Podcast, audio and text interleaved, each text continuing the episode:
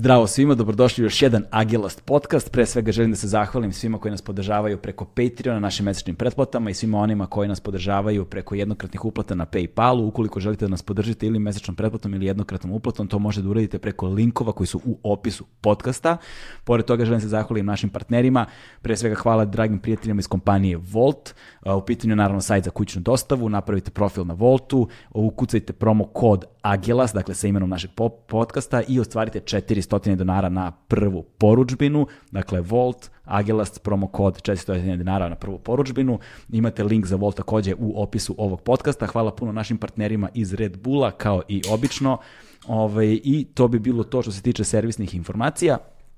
Uh, naš današnji gost je čovjek kojeg znam jako dugo, uh, neko ko je postao stekao kultni status prvenstveno kao radijska ličnost, uh, takođe imao i genijalnu televizijsku emisiju kada sam ga prvi put video u životu koja se zvala TV Manijak. Svako jutro u 6. ujutru ima jutarnji program sa Goricom koji nosi naziv Buđenje. Njegovo ime je Dragan Ilić, redovno ga slušam i veliko mi zadovoljstvo što je došao u goste kod nas u podcast uh, i bilo je super simpatično zato što sam ga slušao jutros uh, i onda je došao ovde i onda smo imali divan razgovor koji je dosta dugo trajao, tako da naš sledeći gost je Dragan Ilić. Uživajte.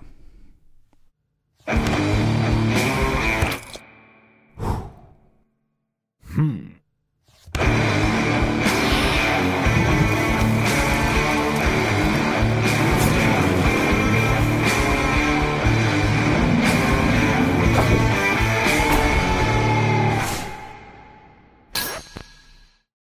Ovo ti je, uh, moj kum je travar. A, dobro. I onda je, i onda je napravio o, tinkture različitih uh, biljaka Da. koje su dobre za dezinfekciju ruku.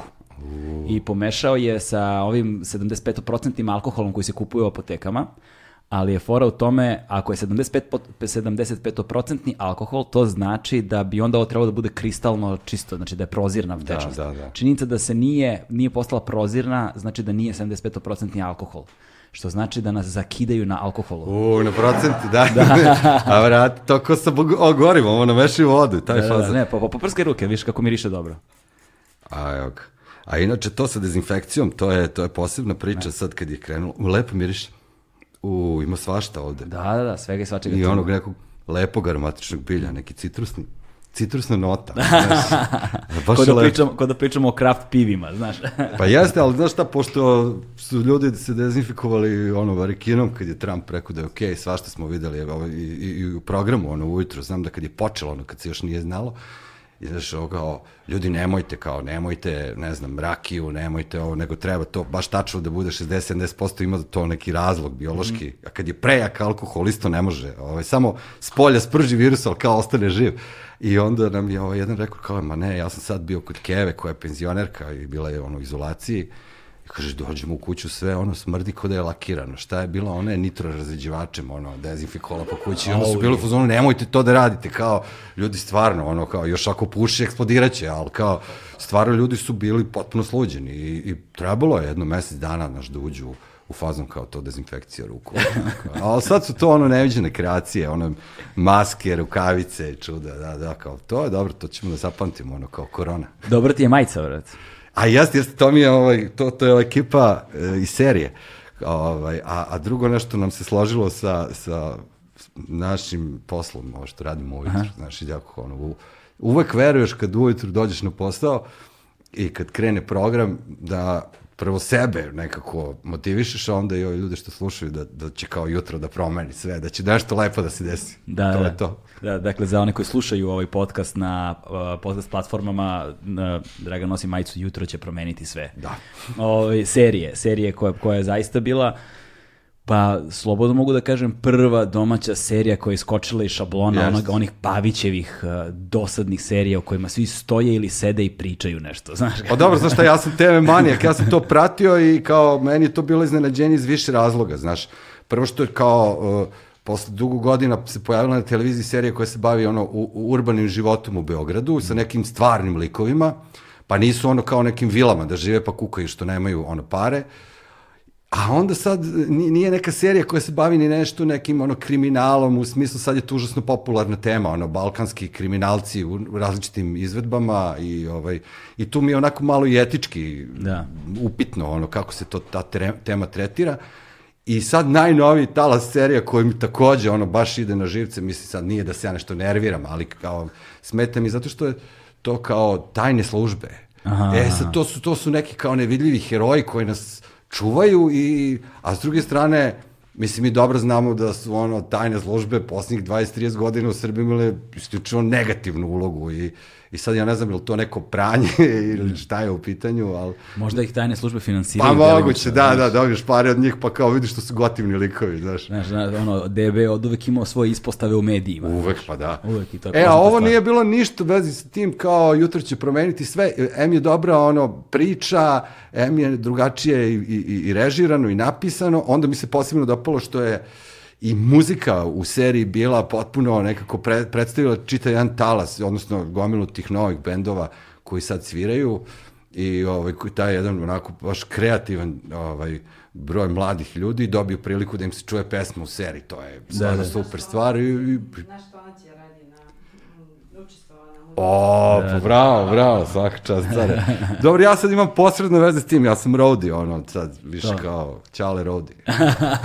pa da, tvoj sin ima bend. Jeste, jeste, i to je isto kao super, nije sad da govorim samo o njemu, nego ima nekoliko, ovaj, stvarno, o, to sad ove naša generacija, mrzim taj izraz, ono, kao, e, u moje vreme, moja muzika, nema to, kao. Čekaj, čiji sin je u Scheiser Bitter Lemon? A, pa to je od Sibina, Aha. e, a to im je bratski bend. I, a uopšte to je jedan talans bendova koji je, ono, svi sviraju Bigzu i napravili su sami tu svoju organizaciju Hali Gali i da. to ima gomila, ono, zanimljivih bendova i, mislim, svima su im nekako bili na početku uzori repetitor i to je onda krenulo u dobrom pravcu, ovaj, I imaš ono šajzere, ima, meni su zanimljivi još i ovo, tih, iz tog talasa Gazorpazorp i to je odličan bend, Prototip je odličan bend. I onda da kažem i za ove, ove moje, ove, to je ono Sid Spinker.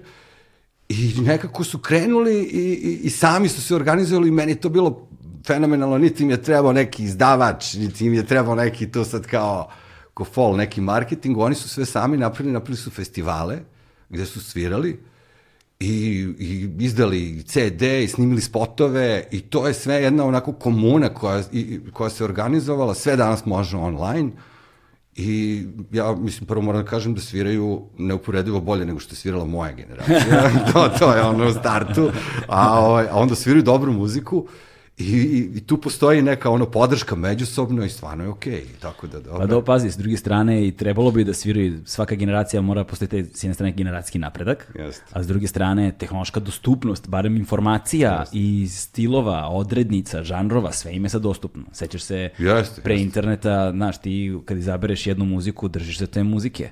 I manje su isključivi, to je ono što je najbolje, iako su, kako kažem, ono, ljuti su i sve u redu i ta energija se osjeća i sve. I slušaju dosta onako širok spektar muzike i, i za razliku od, od generacije naše ili možda još one pre iz 80-ih, nema te isključivosti. Ne. Oni bez frke kapiraju Sinana, kapiraju, znači, muziku na malo drugačiji način od nas, što možda možda je to do slušanja, pa ti kao na, kad slušaš muziku preko tih digitalnih platformi, možda ono, jedno vuče drugo i ja mislim da je to možda najveći kvalitet, zato što nisu, nisu, uh, nisu uskogrudi i kao to uvek daje dobar rezultat. Tako je, mislim, druž, to je, stalno pljujemo društvene mreže i stalno pljujemo te silne platforme i streaming servise i ovo i ono, ali jedna dobra stvar koja je izašla iz svega toga jeste definitivno da su odi- odigrale ogromnu ulogu u razbijanju muzičkih žanrova, Mhm. Zato što je sada sve na klik dostupno. Sećaš se, nekada, je, Jeste. nekada je za konzumiranje kulture bilo neophodno trud i vreme. Jeste. Kad ti si morao da se obučeš, da se zapertlaš cipele, da špartaš gradom, pa da gledaš ploče ili kasete ili šta god si kupovao, pa da slušaš u radnji, znaš, na ono jednu slušalicu što bude, pa onda imaš lovu da kupiš jedan album. Pazi, ja sam malo stariji od tebe, ali ja se sećam vremena kad smo iz Britanije naručivali ploče tako što se kao stavljao pare, mogli su i dinari da se šalju, u, u Indigo i onda koverati kao neki ovaj, ono, katalozi nezavisnih ovih kuća i onda to kao prođe carinu, neko nas izložio kao da tamo re, rengen kao gleda Da, da, poštu i ne vide pare ako su u Indigu I onda ti stignu ploče posle recimo meseci i po dana i bila je fora kao za, za Jugoslaviju, tada je bilo ono kao ne garantujemo, u isporudu nestajale su ploče i onda ti kao imaš svoju poručbenu i imaš ono rezervnu listu. Mhm. Ako, ako nešto nema da ti dodaju, i to kad stigne, mislim, baš je bilo sporo. Ovaj. Ali svejedno, uh, meni je drago što se taj, kako kažem, žar ovaj, nastavlja i isti je taj, ista energija, entuzijazam i onda mi nije teško da ono, vučem opremu, sačekam posle da pokupim instrument kad oni odu na after, ništa. Mi kao, I dobijemo dozvolu, supruga i ja, za koncerte, isključivo ako su veći prostori da ne bude ono, brate, Keva i Ćala u prvom redu, mnogo je velik blav. Ove, da, ka, kako regulišete to zapravo? Ka, je, li bilo, je li bilo neprijatno u početku? Ma nije nego ono, kao, ja sam to poštovao, znaš, da. kao, i, i postanem negde pozadi kod šanka, ono, znaš, da kao, gledam malo iz daljine, da ne, prosto to je njihov trenutak, šta sad, kao, treba da mu se pojavi, ono, da, o, da kao A kakav je osjećaj kada se desi taj generacijski switch, znaš, sad da ono, sad je tvoj sin, razumeš, u tim godinama o kojima si ti bio zapravo do juče i aktivno učestvuje u Jest, stvaranju jest. kulturnog života grada u kojem si rođen i odrastao praktično, znaš. Jest, jest. I onda kao odjednom si sad ti u, u, u senci, ali s druge strane ti si i dalje vrlo aktivan, prisutan, tu si, znaš, nije se desila ona generacijska nije se des- desio ni generacijski pomere da kao sad su roditelji otišli u fade out, Da. a deca su kao došla u, u, u spotlight. Pa evo, tu, mogu da te paralelno. obradujem, a sad radi na tome da bi ubirao plodove ovaj, nešto kasnije. Najlepša stvar koja može da ti se desi, to je da krenu, da, da te oni ovaj, briefuju oko muzike i da te oni počnu da te vode ovaj, dalje i da kažu, a čekaj sad, jesi čuo ovo ili ovo ili ovo i onda ono što sam ja možda mogao kroz slušanje muzike, pa su to pokupili, ovaj, sad, sad mi to vraćaju tako što mi skreću pažnju na ono, nove trendove, zanimljive bendove i tako dalje. I onda nekako ostaješ u kontaktu sa, sa, sa muzikom i, to je super. Znači, to ti ono, vratiti se uloženo. Da, da, da, to, da. je, to je najlepše. ali, ali, ali ima ono mašenje mete, znaš, kao da je tipa nešto što je bilo strašno gotivno ovaj, do, do pre, ne znam, 15-20 godina, kao da su oni sad u fazonu da je kao čao. E, ima, ima, da, ja sam, ali ne u muzici. Mhm. Ne u muzici, više, više ono u televiziji kao filmu, ali kao televiziji pogotovo. Ja sam se recimo, u, ja sam njima ono kao kad su, a možda prerano, otkud znam, ono kao, kao čale, probaš sve, pa kao nešto, nešto se prime, nešto ne. I nešto stvarno, to je ozbiljan test vremena. Da. Ja sam njih ložio na Sandokana, onda i ne znam, neko je pustio reprizu serije i oni kao gledaju i kažu, brate, koji je ovo treš. kao, znaš, ali kao nije, nije, i nije se primio Sandokan, recimo, ali, ali neke druge stvari jesu, znaš, i kao, prosto to i tebi dobar, dobar test vremena, pa kažeš, pa dobro, znaš, kao, pa, Znaš, nismo ni mi imali neki veliki izbor, kao pa si se ložio na to što si imao, znaš. Da, da. Ali, ovaj, tako da, da, da, da je to kad još jednom prolaziš kroz neka iskustva, ali drugim očima, mm. svežim parem očiju, i koji nema nikakve predrasude, nema nikakve, ovaj, kako kažem, da sad na neke stvari gleda sa, sa nekim iskustvom koje može da mu uništi taj utisak uživanja u prvom slušanju nečega ili gledanju nečega. I to je super. Tako da, da onda ti preispitaš i svoje, ove, šta, šta je u stvari izdržalo test vremena. Da, da, da. da. Tako da... A mnoge stvari, o tome sam razmišljao puno. Ok, s jedne strane, uh, tehnologija je bila takva da ono što nije moglo da bude savršeno, mi smo morali da domaštavamo. Mm. Posebno kad govorimo o specijalnim efektima u sci-fi filmovima i tako dalje. Iz današnje vizure to i delo je banalno do besvesti. Mm. Znaš. To je jedna stvar. Druga stvar jeste da i zbog te nedostupnosti sadržaja, ovaj, ono što se pojavi je imalo ulogu nekakvog socijalnog kapitala. Da. Morao si da vidiš, morao si da znaš da bi mogo da učestvuješ u komunikaciji, u razmeni, Da. u suđenju, da, znaš, da, do, do, da ubiraš neke poene ili da gubiš neke poene, znaš. I onda ukoliko nisi, pojavi se novi film ili pojavi se recimo, znaš što je ono, muzika. Morao si na radio stanici, ne znam, sredom u 9 da uhvatiš tu pesmu. Pa I jest, jest. Ako je ne uhvatiš tada i pojaviš se u ekipi, svi su čuli, ti nisi, odmah si ispo iz tokova, znaš. Pa jeste, ja mislim, dobro, ja sam bio čak i sa ove druge strane, pa je to bilo malo, uvek, mi, uvek sam se osjećao malo kurvinski, ono, kad vidi, jer to, to je kao Gorica isto morala da radi na studiju B, kao i sa Slobom Konjićem, kao ti ono kad se, kad se mm, ono premijera, recimo neke pesme, ono, na sto veličanstvenih ili ne znam, onda ti pričaš malo zbog ovih što snimaju. Da, da, da, da. I kao sjebeš ljudima snimak, ono kao priča ti voditelj preko. Znaš I onda se naglašavalo kao sad ćemo da vam pustimo pesmu od početka i nećemo da pričamo. To sećaš se, to je bila fora kao, to je neko kao ko je gotivan na radiju, on ti pusti pesmu i ne priča preko, ili kad najavljuješ da kao pričaš do vokala. Da, da, to, da, je, da. to, ne, to se smatralo nekom vrhunskom radijskom veštinom, kao pričam, gazim ga do vokala, znaš, kao to. Dok zapravo pesma ne počne Jeste. pod znacima navoda. I onda, i onda, i onda, i onda, i, onda, i tačno, tačno, tačno znaš ko je šta slušao i gde je snimio, zato što Uh, na, na primjer, snimi se jedna pesma, ne znam sada, ono, Srđana Anđelića, ne znam, Jeste. Jehoro Bilze, tako nešto, i kao uh, svi u gradu imaju istu verziju te pesme sa kao tim vokalom koji Mm. Da, ide. da, kao da je mix. Da, da, kao da je mix, kao da, kao da je mix, ili, znaš, on ima običaj u sred pesme doleti, znaš, to je ono. To je Slonče Biksa tamo, znam da su oni radili one rap liste i tako. Ovaj, e, a kad smo, kad smo već kod toga, Gorica je trebalo takođe isto da bude ovde sa nama, ali ona, nažalost, zbog ove epidemiološke situacije, U jest, Goricu sad čuvamo čoče ko ono, kako kažem, ko ono daleko, ono, bliskom istoku, ono, ne napušta harem i, ovaj, prosto ona je dijabetičar i sad zbog nekog rizika radimo tako što ona radi od kuće i sad ovaj, kad radimo program onda ložimo da imamo studio Rakovica. I onda se ona uključuje od kuće i, i o, čekamo da se kriva, ovaj, da kriva počne da se spušta dole. I to smo imali još jedan period proletos, ne znam, oko, oko Uskrsa, i sačuvali smo je od, ovaj, od infekcije i eto, tako da, ono, ali, znaš kako, ja sam navikao na to da budem kao port parol tog, uh, tog, te simbioze, znaš, jer kad sam, ne znam, viđao ljude, recimo, starije slušalce, recimo, pogotovo on kad me vide na ulici, kažu, Gorici Dragan. Znači, kao, kad te vidi, onda si već kao to biće koje je spojeno od dva. Kao, tako da... Boglava Draja. Navikao sam da budem Gorica Dragan. I Goran i Dragica i sve druge kombinacije, da, da. Ove, koliko dugo vas dvoje radite zajedno? Pa, ne znam, nešto smo računali, ali ne, pa ja mislim da je sad već 17 godina ono jutarnji program kako smo počeli da radimo. To je, to je, ovaj, to je već onako zanimljiva Da. kilometraža. Da, punoletstvo, dakle, iduće. Da, da, godine. da, jeste, jeste. Punoletstvo zajedničko. Ali rad. meni je proletelo stvarno. I sad, kao, znaš kako kažu, ono, starimo sa svojom publikom, ali dobijamo i nove slušalce. Tako je, tako. Između ostalog, pazi, ja moram da priznam da sam ja ono veliki fan i svako jutro vas slušam, apsolutno svako jutro vas slušam i svako jutro kada sednem, kad sednem u kola i kao pustim ono oko 6 ujutru, Ovaj, i svaki put sam u fazonu, moram bre da ih zovem da dođu, moram da ih zovem da dođu, nikako da se potrefi situacija, sad ja to već mesecima unazad planiram Da, da, i da. najzad je došao trenutak, ali nažalost Gorica ne može da bude ovde sa nama. Ovaj, postoje samo dva jutarnja programa u suštini koje ja znam, koji u Beogradu mogu suhote, a, koji u šest ujutru počinju, to ste vi Radio Play, naša draga prijateljica Una. Ovaj, kako je, znaš, e, to, i to je ono čemu ja puno razmišljam, posebno od kako sam počeo da radim podcast. Pošto podcast je zapravo radijska forma Tako je. intervjua Jest. prenešena online I, ovaj, i koja se ono distribuira preko tih podcast platformi da ti bude ono na aplikaciji ono click away, znaš to. Ovaj, I mnogo dugujemo zapravo radiju.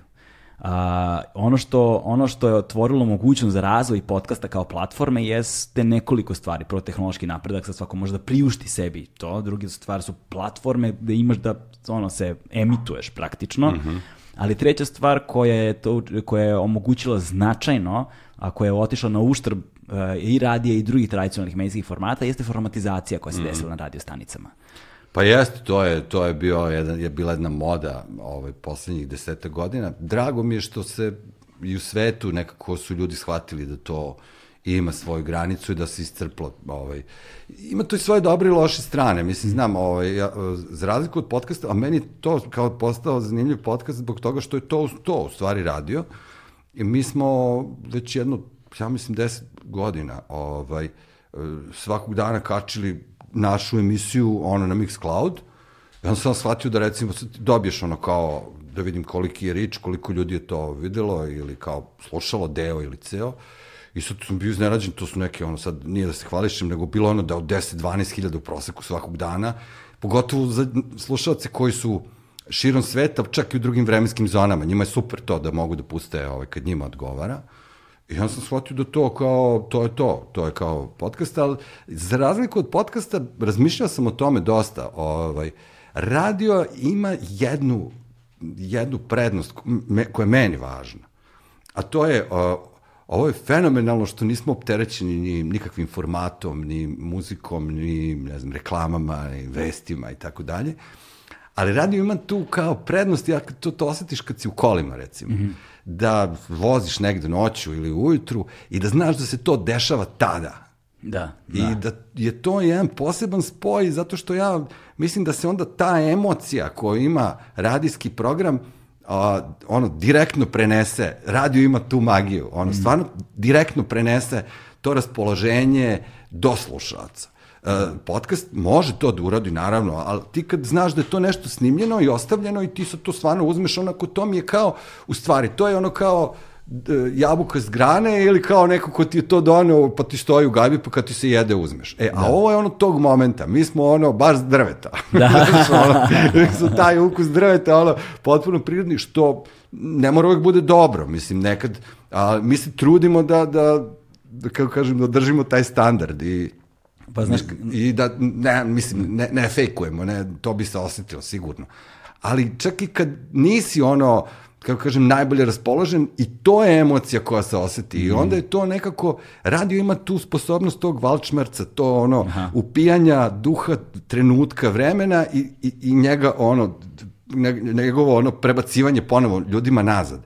Ko na koncertu. I sad desilo mi se, na primjer, eto kao, ne znam, ovaj, odeš negde, pa Gorica radi program, recimo ja nisam tu ili one sad na nekoj kontroli i kaže čekaš i soba za medicinske sestre, ono piju kafu na pauzi i slušaju ono program naš i to i, i, i vrlo često kao pa to su stvari o kojima mi inače pričamo ujutru i, da, da. i, i onda kad se to desi ti vidiš da tu postoji neka sinergija mm. i to je ta magija koja se desi kad ima živ radio program mislim, i lepše i bolje kad se to sve upegla, pa ne znam, to sve dobro zvuči, ali onda je to nekako sterilno. Ne mislim na podcast, nego mislim na recimo na formatiranje, gde se to onda može dovesti do one krajnosti da ti, uh, mislim, ja sam dosta razgovarao s tim ljudima koji to rade po svetu, po tim sad nekim, neke konsultanti koji dolaze, to sad manje više formatira se na isti način. Mm.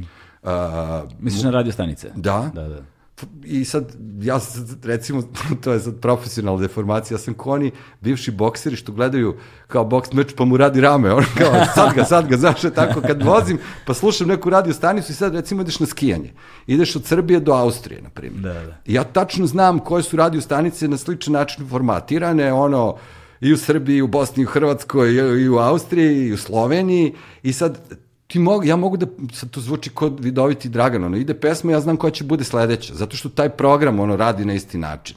Kad će da ga preseku sa vremenom ili, ne znam, sa nekim, ono, uh, stanjem u saobraćaju, I onda su recimo i voditelje prestali da zovu voditelje, nego kao to je DJ. Ti si tu u stvari samo ono, kako kažem, veseo glasić koji puni te između muzike, mm I onda je najluđe što su se kod formatiranja pojavili, kao što ti kupuješ muzičku bazu, mhm. -huh. e, imaš ekipu koja radi to kao radi u agenciji sati koji ti prave priloge, kao te, te brejkove, kako se sada zovu, i onda ti oni kao neki tamo kreativan lik sedi i piše kao šta je za danas ili ovih dana zanimljiv break, znaš, kao i on napiše ono tri duhovite rečenice ili pet rečenica i ti kupiš sadržaj, ti kupuješ kontent. Mm -hmm. I možda ga samo customizuješ, ono, prilagodiš ga Srbiji, promeniš i ekavicu u ekavicu ili ne znam kao umesto kuna kažeš dinar, ali kao sve isto. Da, da, da. I onda to kao, to su kao, kao neke univerzalne forice. I to je tek ono dno. Onda ti je radio ceo formatizovan ne samo u, u, u satnici, nego je formatizovan i u sadržaju. Ali ni formatizovan samo sad formatizovan i u duhu, u atmosferi. Jasne, jasne. Nema ništa, to, to je kao potpuno, e to je onda, ne znam šta je to, to je onda genetski modifikovana hrana. Da, da, to je, pa da, dešava se, dešava se onda, znaš, da vidiš da rajski vojitelji onda moraju da imaju tu tačno jednu dozu, posebno u jutarnjim programima, da, a to je ono što mi se što kod vas nema, znaš, nego kod vas je prirodnije mnogo. Ta određena doza optimizma mora da, da, da. postoji, ne previše, jasne. ne premalo, pa ih uče kako da pričaju sa osmehom na licu, znaš, bukvalno imaju treninge kako da uče da pričaju dok... Meni je to jako zanimljivo bilo da slušam, naravno ništa toga nikad u životu nisam primenio, ali a, ovaj... A, zato te i gotivim. ali na, na, ne užas ovih kao, zato smo i napravili svoju produkciju kao da. sad, mi radimo svoje kao, pa, ali... A čekaj, vi radite na radiju ili imate svoju produkciju pa ta? Da, da, to je recimo, to, na to sam najponosniji, dakle 2010. godine Gorica ja smo napravili, produ, kad je 92 ona definitivno prodata, valjda Grcima, ili je trebalo da bude prodata i mi smo bili u fazonu kao, idemo mi da nas ne prodaju ono ko kravu sa štalom. I, ovaj, I onda kao, imamo mi svoju produkciju. Nismo imali nikakvu ideju ni gde, ni šta. Ovaj. I onda smo napravili produkciju, nas dvoje, i on se zove Super Miš Deo. I to je isto bila kao ideja, sve kao produkcija, ove televizijski su, imaju ta grandiozni imena, ono kao Grand, nešto Da, da. sve veliko. On mi kao daj Super Miš i onda mi je... Ovaj, Ili onda, po crtanom filmu. Pa, između ostalog i po crtanom filmu, da. I onda sam pozvao jednog drugara s kojim sam još davno svirao, još dok sam živio u Banja Luci, on je postao umeđu vremenu ozbiljan dizajner u Londonu, I, ovaj, I on nam je napravio i, i, slo, i logo i sve to i onda kad mi je čovjek poslao kao to što kao naučiš od poslao mi pet rešenja, sve sa objašnjenjem. Evo ti je hollywoodski super miš, ovo ti je super miš kao vintage, ovo ti je super. Ja, mi smo se odlučili za ono koji ima kao slušalice, koji ima tu naš ovaj, jedan, jedan znak. I, I onda, pogotovo mi je bilo milo kad su nas onda pozvali da radimo na radiju Beogradu tu emisiju. Mm -hmm. Mi samo iznamljamo frekvenciju, mi smo u stvari implant na svakoj radio stanici, razumeš, mi smo ti kao silikoni, ono, mi ti popravimo izgled za sekunde. I, ovaj, I onda, o, i sad zavisi ono ugovor s radio Beogradom, će se ono pokojni Tijanić i sad kaže neki sastanci tamo ovaj, u ono, borda sa tamo neki ozbiljni ljudi, kao ugovori piše, sad on čovjek tako govori, kaže, i kao e, radio televizije Srbije, RTS se obavezuje da super mišu, ne znam, ovaj, ispuni te i te te uslove, I, i ja ovako sedim na tom sastanku i, i kao cvetam, razumeš, zato što ovi ljudi govore super miš, ja, znaš, ono kao meni je to bilo super u stvari, a poenta je, e, mi pravimo program, mi smo ek- ekskluzivno kao ono, urednici, vlasnici, sve, e, emitujemo na nekoj frekvenciji, tad je to bio prvi program Radio Beograda, prodajemo zajedno oglasni prostor u tom programu i prema ugovoru delimo dobit. Na kraju svakog meseca se podvuče crta i koliko smo para zaradili, podelimo i to je to. I to je naj bolji način da se, kako kažem, zadrži kontrola nad proizvodom. Da imaš kao s- svoj proizvod i da znaš da ga neko neće ono ni prodavati ispod cene, ni lepiti koje kakve reklame, stavljati ga u neki drugi kontekst. To je, dakle, naš, nakon radio Beograda, sa S Medium smo napravili isti dogovor i na ovom S2 radiju isti princip, tako da je ovaj da to, znači nama je emiter partner, je, a da, mi smo, da. mi smo produkcija. Sad ima tu naravno, ovaj, im- ima to svojih, kao, kao što si rekao, svojih prednosti i svojih mana. Ovaj, ali stvari u tome da s druge strane podcasti takođe mogu da budu live. Znači, može, Tako mogu je, da se da, streamuju da, live, tako jeste, da ta, jeste. ta opcija hvatanja trenutka nije isključena. Ono zbog čega ja recimo volim podcaste strašno su tri ključne stvari. Prva je nema uredničke politike kuće u kojoj Tako pripadaš. je. Znaš, To mi je najvažnije, to mi je toga najva- smo i pravili ovo, Tako da, je, da, između da. ostalog, zato što i ti ja I nemaš volim- kolegijum, to je... Tako. Imali šta, e, malo šta je grozno kao kolegiju. Jeste. Znači, malo, ljudi koji nisu radili u redakcijama medijskim Jeste, ne znaju kakva je to gomila gluposti. Znači, provedeš pola dana ti ode, bukvalno te ne zanima skoro ništa što se tamo izgovara i niti se skoro nikad ništa pametno kaže. Jeste. Nema ni jedne kritike jer niko ne želi digne ruku i da sad nešto, osim onih Don Quixota Da, povremeni da, da. koji ima. Znači, Ili Šlihtara. Da, da, to. Ali, ali, znaš, ali to je sistem kreiran za njih. Jeste. Oni cvetaju u tim Pa sistemima. to je raj za mediokritet. Da, da, da. Ne kaže da ste sad super, nego to je tako stvarno i to znaju ljudi. A ima još jedna prednost, možeš budeš direktor. Da. A, ja sam direktor. Da, Gorica ja i onda me kao, e, ti ćeš budeš direktor, a znaš šta znači direktor? Moraš da naučiš šta je to faktura, Da, da, da. šta je kako se plaća porez, moraš da naučiš sve ono, a pritom imam manju platu od zaposlene, evo koristim i ovu priliku da to ponovo kažem, pošto ona me, šije me za recimo 2-3 ljade na staž. I, I kao, ja sam direktor, a imam manju platu, Pa, ti vidi. Ove, e, a, to je, dakle, to- je jedna stvar, dakle, da naravno kolegijum i nema, nemanje uredničke politike koja će uticati na tebe i vršiti pritisak na tebe Da. i, i druga stvar je nema formata u koji moraš da se uklopiš. Da moram u, ne znam, 48 minuta, 12 minuta reklame, znaš, za sat vremena i te Jeste, fore. jeste. I moraš da budeš gotov do tada i da ti viču kraj, kraj, kraj i slične stvari. To je druga stvar, to, to, to sam, od toga sam odlepljivao. I, i tre, znaš, ili da imaš to urednika iznad sebe koji kaže ovo nije valjalo, ovo izbaci, ovo seci i tako to. I, ovaj, I treća stvar je što zbog te formatizacije primetio sam čast izuzecima kao što je vaša, vaša emisija i slično, a, nestao je razgovor sa radija. Mhm. Prosto nestao je ljudski razgovor, ali nestao je razgovor na nivou na kojem ga vodimo ti i ja, Mhm. koji nosi sa sobom jednu atmosferu ljudskog razgovora. Jest, jest. Znaš, kao kad ti dođe, ne znam, sportista, obično dolaze što je postigao neki uspeh ili se nešto desilo, pa pričate o tome. Ili glumac ima neka nova serija, neka nova, neki novi film, nešto se desilo, neka nagrada. Ovaj, ali svi ti ljudi kada ti dolaze, niko ne sede s njima i pitaju, brate, kako si? Da, da, da, Šta ima novo? da, znaš, pričamo, ne, možda, možda se ne dotaknemo uopšte, brate, toga, znaš, nego pričamo čemu god, pa se za sat vremena setimo da bi bilo valjano možda da po, popričamo nešto na tu temu i ljudima to ne smeta, ljudima nedostaje ta, ta vrsta ljudskog kontakta. Ja sam se, i meni, ja sam ozbiljno počeo da, da, da, da ono, kujem plan da napravim sobstveni podcast kada pošto mi je supruga iz Gornjeg Milanovca, onda sam stalno na potezu Gornji Milanovac Beograd i onda voziš, to je neki sat i po vožnje, ali to je otprilike malo Jeste. manje.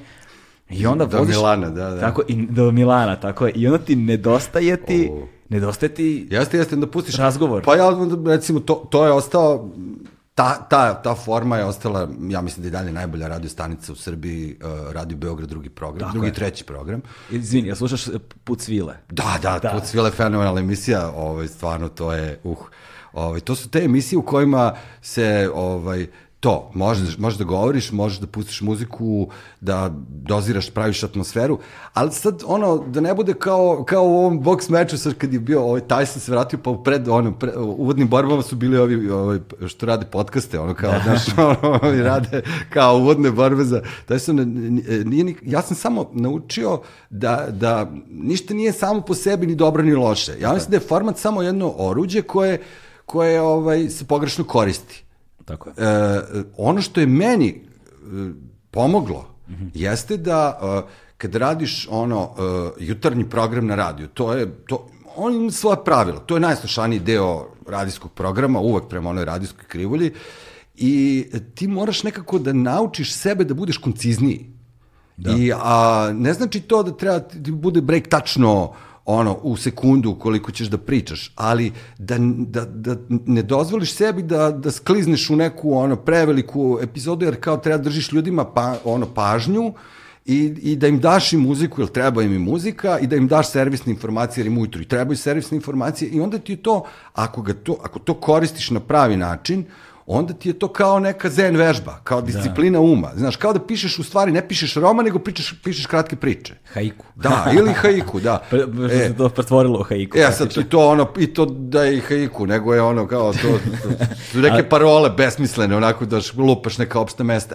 Ali kao za disciplinovanje uma, to je isto kao kad su me, ne znam, zvali ono, da pišem za vreme, ono, pre, koliko ima sad već, ono, 18 godina, ono, za TV Manijak, kao kolumnu. E sad, e, kad mi je ovaj Žarković rekao kao tada, e pa to imaš recimo 5 i po, 6 hiljada karaktera. I onda kad želiš nešto da kažeš, pa se di, disciplinuješ da to sažmeš u, u tu formu, da bi to neko mogao da čita, još ako se, se potrudiš da to kao ne bude čisto neka egzibicija, Da, da. ovaj, nego da, da ima neki smisao taj tekst, to je dobra mentalna vežba. Jeste. Da, što? Jeste. Samo, ali to si lepo rekao uh, i to je ono što ja vrlo često ponavljam. Svaka tehnologija sama po sebi nije ni dobra ni Tako loša, je. nego način na koji se ona koristi. I ono što je nama formatizacija medija generalno, pošto se to nije desilo samo na radio, radio je najviše pretrpeo, mislim da je radio do, za, dobio najteži udarac od svih tradicionalnih medija. Pa ja mislim da je televizija gore prošla, ovaj, da, da je ona otišla ono... Znaš kako, ali, ona nije dobila- Ali ako, posma, ako posmatraš finansijski, znaš, nije prošlo lošije. No, Znaš, radio je pretrpeo najteži udarac zato što je tehnološki napredak omogućio, znaš, meni je mnogo skuplje da nabavim kamere nego da nabavim mikrofone. Mhm. Znaš, mnogo mi je skuplje da proizvedem sliku nego da proizvedem audio. I to je neuporedivo skuplje, to je ono sto puta skuplje, znaš. Tako da, ovaj, i onda a, zbog, zbog toga što, se, što je tehnološka dostupnost i mogućnost što su donele, što se proizvodni proces jel, radikalno skratio, što sad svako može da proizvede, a, radio sa podcastima ima mnogo veću konkurenciju nego što to televizija ima sa, sa internet video sadržajem. Iako su svi na YouTube-u i tako dalje, i dalje je 90% komercijalnog novca na televiziji. Znaš, to je, i oni, ono, to se, malati se neviđena lova, to strašno skupo košta taj televizijski program. Ovaj, I oni dalje, a postali su oruđe, ono, sila osovina. Kao, znaš, Da, znaš, i mislim je- da televizija je došla do tačke gde je ono gde je možda čak i taj proces irreverzibilan, da nemaš više mogućnosti da, da je vratiš negde ono nekim drugim funkcijama koje treba da ima, da je ostala samo ovaj, marketing i, i ovaj, zabava, Da. sa akcentom na marketing i kad sam se bavio time kao recimo, ne znam, u analizi medija, predavao analizu medija, ono kao to mi je bilo isto jedno iskustvo. Gde si predavao? Na fakultetu za medije i komunikacije, kao sad, to je jedan, jedan o, predmet koji zahteva u stvari nisi predavač, nego si nastavnik veštine. To mi je dobro zvučilo kao da si mačeva, uč, učitelj mačevanja. E, tako. I, ove, i to, je, ove, to, to je uvek neko ko ima uh, obrazovanje psihologa ili sociologa i iskustvo rada u medijima. Onda sam valjda bio tu kao fotorobot, ono, mm. za, za, za to. I bilo mi jako zanimljivo, jer sam radio nekoliko generacija studenta tamo i, i, i to mi je bilo u stvari super zato što sam mogao da dobijem feedback kako ta generacija gleda danas na medije, mm -hmm. a u stvari ti njima samo malo otvaraš vrata da malo nauče da, kako da gledaju i slušaju, čitaju i da prepoznaju šta je marketing, šta je ovaj šta je manipulacija, šta su tu sad ono formati, na koji način se ovaj ta sa onim mediji masovne komunikacije danas ono koriste i bilo mi super zanimljivo kad im zadajem ove te seminarske radove i, i ispite i onda to da čitam to. A oni su to valili, valjda, da sad nije da se hvališem, nego bilo je super njima zanimljivo za te radove, kao daš im 3-4 teme i on sam se trudio da uvek ima kao Kako neki si im teme davao? Pa recimo je, a recimo bio je za seminarski rad, ako su tri teme, recimo sad ovde bi bilo, dobiješ zadatak da sedam dana pratiš na društvenim mrežama i na televiziji neku od starleta, I da na... E, ali ne, ne, ona, pazi. ne, šta je fora? Ja, to, to je jedno... Čekaj, čekaj, čekaj. Ne, ne, ima još. E, recimo, to je bilo, sećam se, Beli mi je bio student. da, da, da. Preletačević. Beli je, taj, Beli je tu temu uz, sećam se. Ovaj, rada, I dobar je radimo. I sad, nije to samo da ih pratiš, nije to poenta. Dakle, 7 dana da pratiš na društvenim mrežama i na televiziji Starletom, iz, po izboru. Mm -hmm. I da onda, na osnovu materijala koji si dobio, pokušaš da rekonstruišeš implicitan sistem vrednosti te sterlete.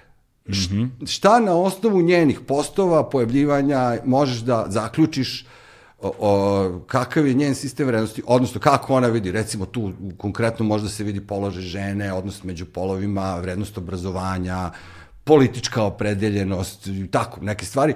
I sva, ti sad na osnovu toga, to je ono što rade medijski analitičari. Ti pratiš medije da bi uh, kao u onom briljantnom umu, znaš, kao čitaš novine, treba da provališ šta stoji iza toga, da, da, kakva je to poruka koja se šalje danas šta, u medijima. Šta, šta postojanje tih ljudi, njihovo ponašanje govori o nama i svetu oko nas. Jeste, u ovom trenutku u Srbiji i onda to kao uvek je bilo to zamišljeni zadatak, dođe neki stranac i ti sad kao njega zanimaju mediji ili fenomen, što svi pričaju o starletama, e onda ti kao, ok, treba to da uradiš i da napišeš nekom kao šta ona poručuje koji da. je, koja je to ona poruka, koja možda nije tako eksplicitna, ali može da se rekonstruiše.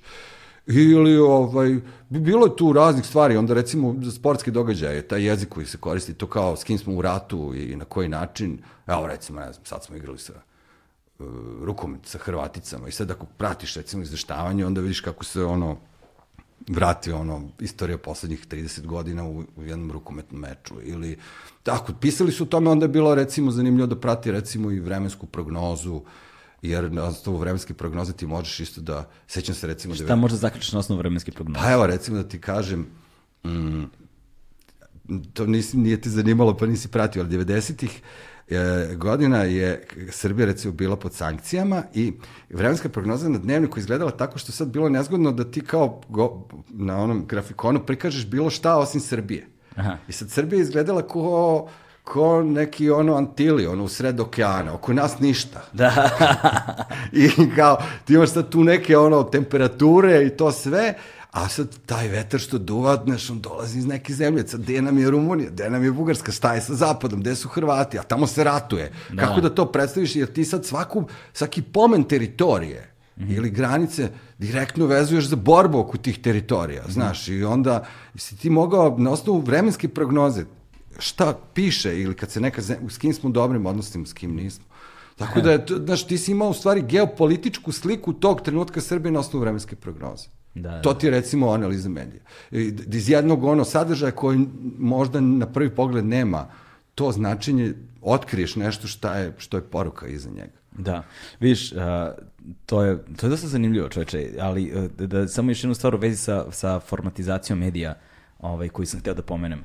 A to je da um, Uh, uh, fo, fo, ono što je meni najveći problem sa formatizacijom ovog, ovoga što se sad desilo, recimo vi imate svoju produkciju i proizvodite svoj, jel te, jutarnji program koji vi zapravo ono, implantiste, jel te, na frekvenciji.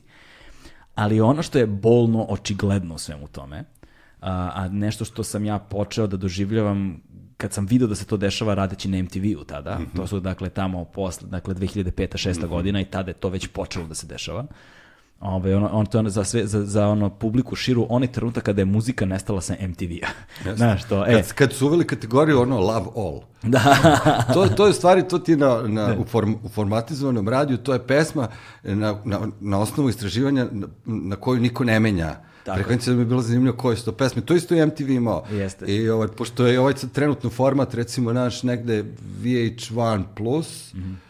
I to znači ono da, da neko u životu prema istraživanju ne menja, recimo na, sad to su mene, na, na neke pesme koje su okej, okay, ajde ono, I want to break free, na to se valjda da, kao da. niko ne, šta god da radiš kao nećeš promeniti pesmu, znaš, da. a ideja je samo, samo da ne odeš sa, sa frekvencije. Da. E, vidiš, to je ono što je meni, e, što mi, što mi je najveći problem, što, što je bolno očigledno u vašoj emisiji, jeste to da vi ne birate muziku. Ali da, dobro, to je, to je jedan, ono, ti uvek praviš neku vrstu kompromisa, da. mislim, koja je u ovom slučaju, ali vidiš, to je isto bilo ovaj, zanimljivo, zato što mi smo, recimo, na Radio Beogradu, uh, imali tu svoju, i mi smo, mi smo birali muziku i onda se tu, pravio sam neku paralelu Sad, to je, to je uvek, znaš, slob, sloboda je stvar za koju se izboriš. E, i sad, e, kad bih puštao muziku isključivo koja se meni dopada, to, e, to je isto ono kao druga krajnost ovog mm. Radija, a to je da imaš emisije koje su, u kojoj ti imaš onako, da prestaneš da se obraćaš samo svom uskom krugu istomišljenika, ili da puštaš generacijsku muziku. Ovo ne, je nama, recimo, ovaj izbor muzike je nama, mislim, očekivano, jel? Doneo veliki broj mlađih slušalaca koji možda ne bi slušali uh, naš program da im je muzika po našem izboru i da im puštam nešto što bi bilo možda više nalik na, ne znam, rock radio ili ali ovaj, i, i, i na tim stanicama sam primetio ono uh, faulove tipa kao pustiti osvojače. Ovo playlisti kao, jo, sorry, pa to nije rock and roll. Tako da, da, da to je recimo bio svestan ustupak onom, uh, onoj ideji mo, na, naša muzika i vaša muzika. Mislim da radio ipak mora da ima, ovaj, kako kažem, uh, dodir sa, uvek sa, sa, sa novom aktualnom produkcijom. Radio mesto gde treba da čuš nove pesme. Da. E, to je ali to se ali to se nažalost to se nažalost ne dešava u suštini, nego ti zapravo imaš ja se sećam kad smo to je bilo ja mislim neka 2007. godina, mi sad sedimo tad MTV bio u Ljubljani i pojavljuje nam se zaboravio sam ime tog lika, on je neki tipa Izraelac iz Londona, ili tako nešto, koji je sad zadužen, sad, pošto je MTV ono u celom svetu, i sad on zadužen za ovu teritoriju, znaš, mm -hmm. na slovo A. To su arapske zemlje, Adriatic region, mi to, znaš, sad i on ide i drži obuku.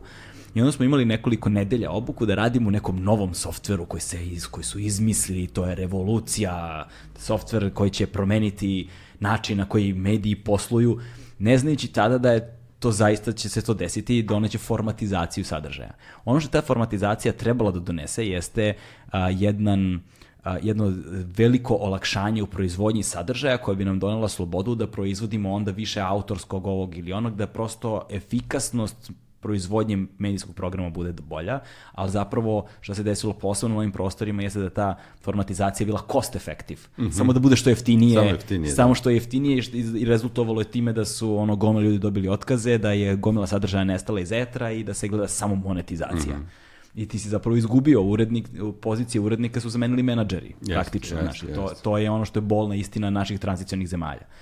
I ovaj, mi smo tada imali, oni su nam pokazali, tad se program zvao vrlo jednostavno, možda kasnije su možda dobile nove imena, Music Scheduling. Znaš, to je da. kao Music Scheduling Software, da, tako se zvao. To baš ono ko zvuči artistično. Da, da, to.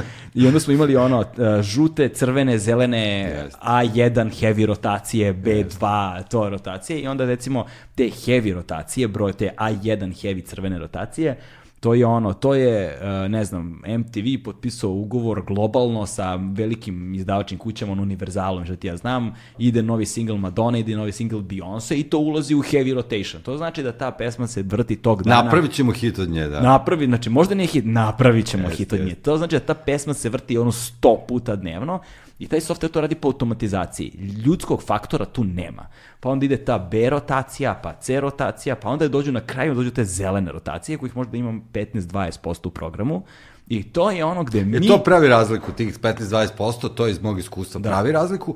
Ono što se dešava kod nas, što je, ajde kažem, uh, kažem mi smo ono, kako bih rekao, polu poludirigovani žreb. Znaš, kao, kao sad sa ovim kvalifikacijama za futbolsko prvenstvo. E, dakle, ovde postoji još jedna stvar, osim te baze i programa koji bira muziku, e, ta baza se ažurira mesečno tako što postoji uzorak, ovaj, prvo se mapira ono teritorij, to je, to je jeste izbor muzike, posto matematika i algoritam opasan, i, ovaj, i onda se uh, anketiraju jedna ono reprezentativan uzak za Srbiju, koje pesme treba da ostanu, koja je naš ono mm. who's hot and who's not. I onda kao šta otpada, šta dolazi novo. I ja mislim da tu ono to je takođe jedna od stvari koje ajde ako gledamo Ameriku kao ne znam to kao tu odatle sve dolazi što se tiče mm. ove radija. On, kod njih je radio još uvek ono zaista ono zadržao važnu ulogu, a to je poenta da onda sam pratio malo i, i druge radio stanice američke recimo, I, I činjenice, ali to je malo sad, to možda zvuči uvredljivo za slušalce, mm. ali slušalci vole da slušaju istu muziku, što meni nije baš naročito shvatljivo, ali ljudi vole da ono kao kad, kad se pojavi neki, neka pesma da je, da je čuju naravno ne sto puta, ali ovaj, da. Da, da, da je ovaj, da taj element poznatosti i novine mm. I, i da tu ono poznato mora da bude više nego ono što je novo i to je sad čista matematika i to je taj deo koji, koji sam ono provalio kako radi izabrali smo najmanje bolan, ono, kako kažem, ovaj, taj kompromis u smislu da, da to ide tim redom. I sad je onako, znaš, kad, kad, malo sam pratio komentare ljudi kad to kažu, a muzika bi bila bolja da je ovakva ili onakva, i onda sad kao, slušam kao, pa dobro, nekad obratim pažnju, pa šta bi to kao voleli mm. da čuju. I sad, da ne budem prestrog, ali u 90% slučajeva ne bi mi palo na pamet da pustim ni Balaševića, ni Ribu Šorbu, ni ono što inače ljudi kao dajte, da. a znaš, to su ono, ljudi vole pesme s koji su se poljubili kao prvi put, jo, da, da, da, da. i to bi bilo onda, E onda to... Nostalži. Ima, tako je, znaš, ono, ne, ne bi to. Bolje da čujem novi, ono, Eilish, ono, nego, nego sad da, da. kao dobro, Billy, dobro, Billie Eilish spada u kategoriju nečega što je zapravo kvalitetan da, pop, da, znaš, ali ima tu jako da. puno tog nekog, ono, nazovimo ga, house popa koji više zvuči na ono što je nekada bio Euro dance. Eurotrash, slavno kažeš. Eurotrash, da, da. e dobro, to više rade ovi na playu. Oni, oni su oni koji prave ono hitove, da, da, oni da. to puštaju sve redom. A kod nas dođe već ono, kako kažem, kod, kod nas je hitovi. probrano. Malo je ono kao odleteo kukolj da. kad dođe do nas. kao, ali, ali to je zanimljivo, znaš, kao mi smo ono nekad kao da pustim neku staru stvar na radiju. I kao, znaš šta, znaš šta je sad stara stvar? Ono... Mm ne znam, sad ti je ono, god ti je stara stvar. Da, da, kao, košin. Da, da kao, daš, kao to, lik i lik, kao što da, da. to, kao pustimo jednu malo stariju pesmu, da, znači, da, da. to nije nešto sad iz ove, od pre 20 ili 30 godina. Ali kad malo bolje onako poslušam i kad vidim kako izgleda ta, ta produkcija, to, to treba da bude malo i, ovaj, i, i duh vremena, A meni to ne, mislim, meni to nedostaje zato, ne nedostaje zato što sam ja ono kao, mm -hmm davno sam naučio, e, sad kad si kod toga, moram da kažem, ne da stanem u odbranu ovoga, jer mislim da je, ja sam se jako, ovaj, to je jedno iskustvo, osim mnogo, mnogo pozitivnih iskustava s 92. koje, sam, koje imam. I ona se nekako, ona je nas formatirala, kao da nekako kažem da upotrebim sad tvoj omiljeni izraz iz ovog današnjeg podcasta. A, ali a, e, jedna stvar koja sam se jako ovaj, držao dalje jeste uh, ta vrsta, a, kako kažem, a, autizma i, i, i, jedno, i jedne vrste elitizma koje je 92. imala, a za koju nije uvek imala opravdanje. Da, da. I, ovaj, Ako mene se... pitaš, nije nikad imala opravdanje. Pa, ali, ajde, ja ali o tom da... potom, da. Ne, znaš, ovo ti ono, neću pričati o bivšoj ženi ružno. mi smo se mnogo voleli, znaš, kao to, to. Imali smo mi svoje trenutke, da, da i sve to. Ali ovo je bio, to je bilo nešto što sam ja neprekidno osjećao kao neku vrstu, prvo što je to bilo kao, još pogotovo na početku, znaš, ono, elitizam uh, kruga dvojke, pa, pa onda kao dok smo stigli do kruga sedmice, tako sam govorio, u, to smo onda kao već smo proširili prema ljudima mm -hmm. i mislim da smo Gorice jedan prvi, možda među prvima tamo pokušali da dopremo do šire kruga slušalaca. I to nije uvek nalazilo na, na razumevanje. Znaš, Da, da. mi kad smo pravili turneje po Srbiji, nas su malo onako kao podsmešljivo gledali, bili su u zonu, aj, Gorice, Dragan, kao selo u pohode. Da, Znaš, da, kao. da, da, da. A mislim da je to nama, recimo, bilo neviđeno bitno. Tu, je, tu sam ono kao, to je ko vojska. Znaš, ono, to ti je, kao dođeš u dodir, recimo, i, i, sad ja to imam kao, meni sad niko ne može da munta, ja sam to sve video. Ti kažeš Gornji Milanovac, ja ću ti kažem radio Dženarika, brate, vrh. Da. Onda u, u Gornjem Milanovcu smo otišli, radili program u dva ili tri navrata, e, obišao sam sve one suve banje gde ljudi stoje u krugovima, da, da primaju kosmičku energiju, o, znam kako izgleda grad, znam gde se ono, gde su dobre ono face, ko su zanimljivi ljudi i, i ne samo za Gornji Milanovac, nego za jedno, ne znam, 40 ili 50 gradova u Srbiji. Da, da, da. I sad to kao, to je užasno jak kapital i onda sam video da su, a veruj mi da recimo kad smo radili TV Manijak, bilo je fora ono kao, da li će to da skapiraju ljudi kao van Beograda? Razumeš? Znači, to mi je smetalo. I onda svaka vrsta, uh, kako kažem, nekog ono zatvaranja. A ja sam shvatio radijski program ko da prodaješ vruće kifle ujutru. Kao, treba svi da kupe. Da, da, da, da, da, da. I ovo, sad dobro, neko će da kaže neću jedan kifle, da se gojim, nešto ko će da kaže ono, smučile su mi se više, kao nešto ću da promenim, ali da ti kao e, praviš program sa idejom da praviš selekciju među slušalcima, to nas na kraju e, dovede do jednog stanja koje je u stvari o- ovaj, potpuno suludo i kojem živimo trenutno, a to je da ti ono e, karn na frekvenciji određuje e, tvoj identitet, istinu o svetu, e, kvalitet tvog novinarskog rada i mnogo drugih stvari. A ja mislim da, da, da, da ta još jedna podela možda je imala smisla samo do trenutka dok se napravio u jednom periodu jasan front, ono sloba, za i protiv. Tako je. Čim više nije bilo slobe, nije bilo više opravdanja za tu vrstu isključivosti. Pa da, početak kraja 92. je bio zapravo nakon pada Slobodana Miloševića u suštini. Pa ja mislim da, da mislim to je negde moj životni ovaj kako kažem ovaj cilj da da da da ne budem isključiv i, i onda i program koji radimo i, i kao taj ta poruka koja se šalje treba bude takva. To je, e, tu, tu, tu sam, za, slažem se za, zaista sa tobom u, u velikoj meri s time, da bih ja samo povukao jednu, ono, je- jednu liniju, a to je da um, uvek je teško napraviti uh, uh, jasnu procenu u kom trenutku smo ono anti-elitisti u kontekstu želimo što širu publiku, ali u kom trenutku povlačimo liniju i kažemo, ali ne, ne želimo da vam povlađujemo. Da, ne, ne, ne, ne. Nećemo, nećemo da vam damo ono što želite, nego što, ono što vam treba. Drugi smrtni greh svih medija je populizam, kao i politici. Da, da, da. Znači, to je, ovaj, ali e, postoji, ja mislim da postoji ta granica, svako od nas je zna, možda je osjetiš. Mm. Populizam je kad kreneš da, da, da, da lažeš ljude, Mm. Da, da koristiš fraze, da, da počinješ da manipulišeš ovaj, ljudima, E, sad, i, i tu smo o, prošli fazu i to je bio taj ono, ružan razvod.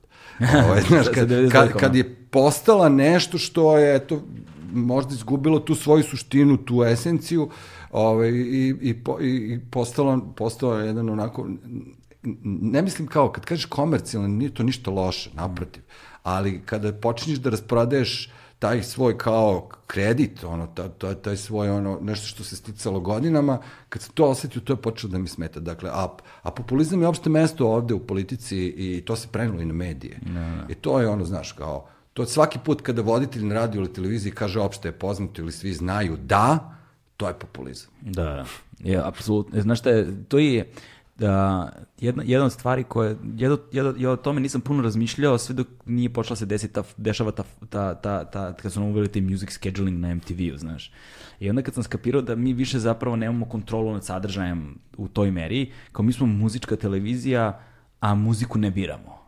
Zna, i kao odjednom ne, neki software to radi umesto tebe, niti se ti pitaš išta, ali onda se desila vrlo zanimljiva stvar, ne znam da li sam to pomenjao ranije u podcastima, koji ja sam izvinjam sa onima koji su slušali, ali bio je tačno taj trenutak trebalo je da puštamo regionalnu popularnu muziku. Ja do tog trenutka u životu nisam razmišljao o tome šta je popularna muzika, kako, na osnovu čega je određujem. Znaš, nisam o tome zaista razmišljao. Za mene je to bilo kao, a, ne znam, ono, Ana Stanić, to je pop. Ali zapravo nije. Znaš, u suštini, a, zato što pop nije ono stilski određena muzika, to je popularna muzika na osnovu prodaje. Ali mi podatke o prodaji nemamo. A onda je postojao i taj elitizam. Znaš, kao, ako je, ne znam, popularna ceca ili ako je popularna, ne znam, ono, seka, stoje ili šta god, hoćemo to da puštamo na MTV. Znaš, ok, kao, nećemo to da puštamo, ali šta hoćemo da puštamo? I gde povlačimo tačnu liniju, mm -hmm. gde se to prestaje, a ovo drugo počinje. Ili gde ovo počinje, da ovo, gde ovo drugo prestaje. Znaš, znači, nije ti baš jasno. I onda, sad, I onda je kao, kako ćemo da odradimo šta ćemo da pustimo. Znači, sad to se veća. Na ono malo prostora što nam je ostalo, mi sad sedimo i većamo, znaš.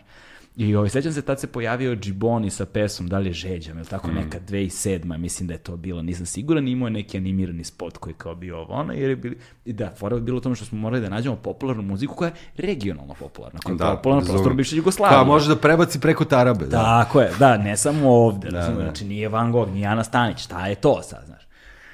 Ovaj, I ti sad radiš kao, ok, pojavi samo Džiboni, aj kao Džiboni bi mogao da bude, ovaj, i sad, znaš, mi, mi kao puštamo, s druge strane zvoni telefon sutradan i zove menadžer jednog, znaš, našeg ovde, razumeš, to i kaže, zašto može Džiboni, ne može e, ovaj, kao, i sad ti sediš i nemaš odgovor na pitanje. Mm. Nemaš odgovor na pitanje. I tad sam zapravo prvi put počeo da razmišljam o tome. I onda me to razmišljanje vodilo dalje. I onda sam skapirao i u razgovorima s drugim ljudima, sa izdavačima, sa urednicima, sa ovima, sa onima, sa ljudima kojima sam okružen. Pa čoveče, ti ovde od uvek imaš medije koji imaju svoje izdavačke kuće i direktno su sukobu interesa. Favorizovanje svojih izdanja, negativna selekcija oni koji nisu na svom izdanju. I 92 je bila isto žrtva toga. Pink je to imao, RTS je to počeo, znaš.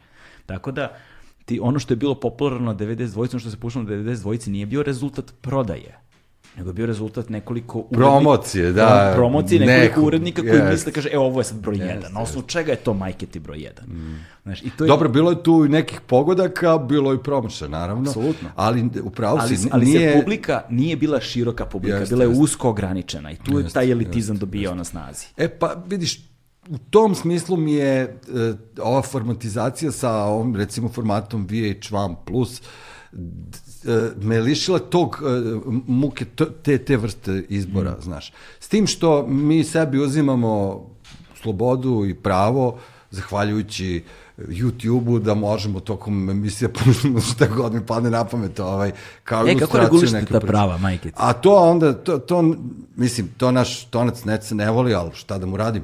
O, Ima, onda kao pišeš ovaj, ime pesme, izvođača, to sve i to se na kraju, to na kraju ne košta mnogo više, ne, mislim, ali, ali može, izvodljivo je. Znaš, tako da ti uvek tu listu možeš da, A da post festom razbiješ. to regulišete, a? Da, da, to se predaje i onda kao osim te Pošto baze često imate ono telefonsko uključenje, ljudi vam šalju na Viber, na šta god, ono, Da, da, vi da. puštate razno razne klipove, stvari, Jeste. a ja se sećam iz svog iskustva rada ono, u vizualnom, jel te, mediju, sam je u zonu... To je noćna mora, da. Znači, to košta, ko Svetog Petra Kajgana. Jeste. To, pa ja sam imao, meni su bili dokumentarci zaključani, ono u lockdownu, ono u španskoj kragni po godinu i po dana zbog 8 sekundi videa. Da, da, da. Znaš, mi smo, ne znam, radili dokumentarni film o koncertu Prodigy u Beogradu 95. godine zbog pesme, ono, It's no good, brate, razumeš, imam 8 sekundi ključnih za film, razumeš, da se nešto dešava i to mora se čuje u hali sa koncerta.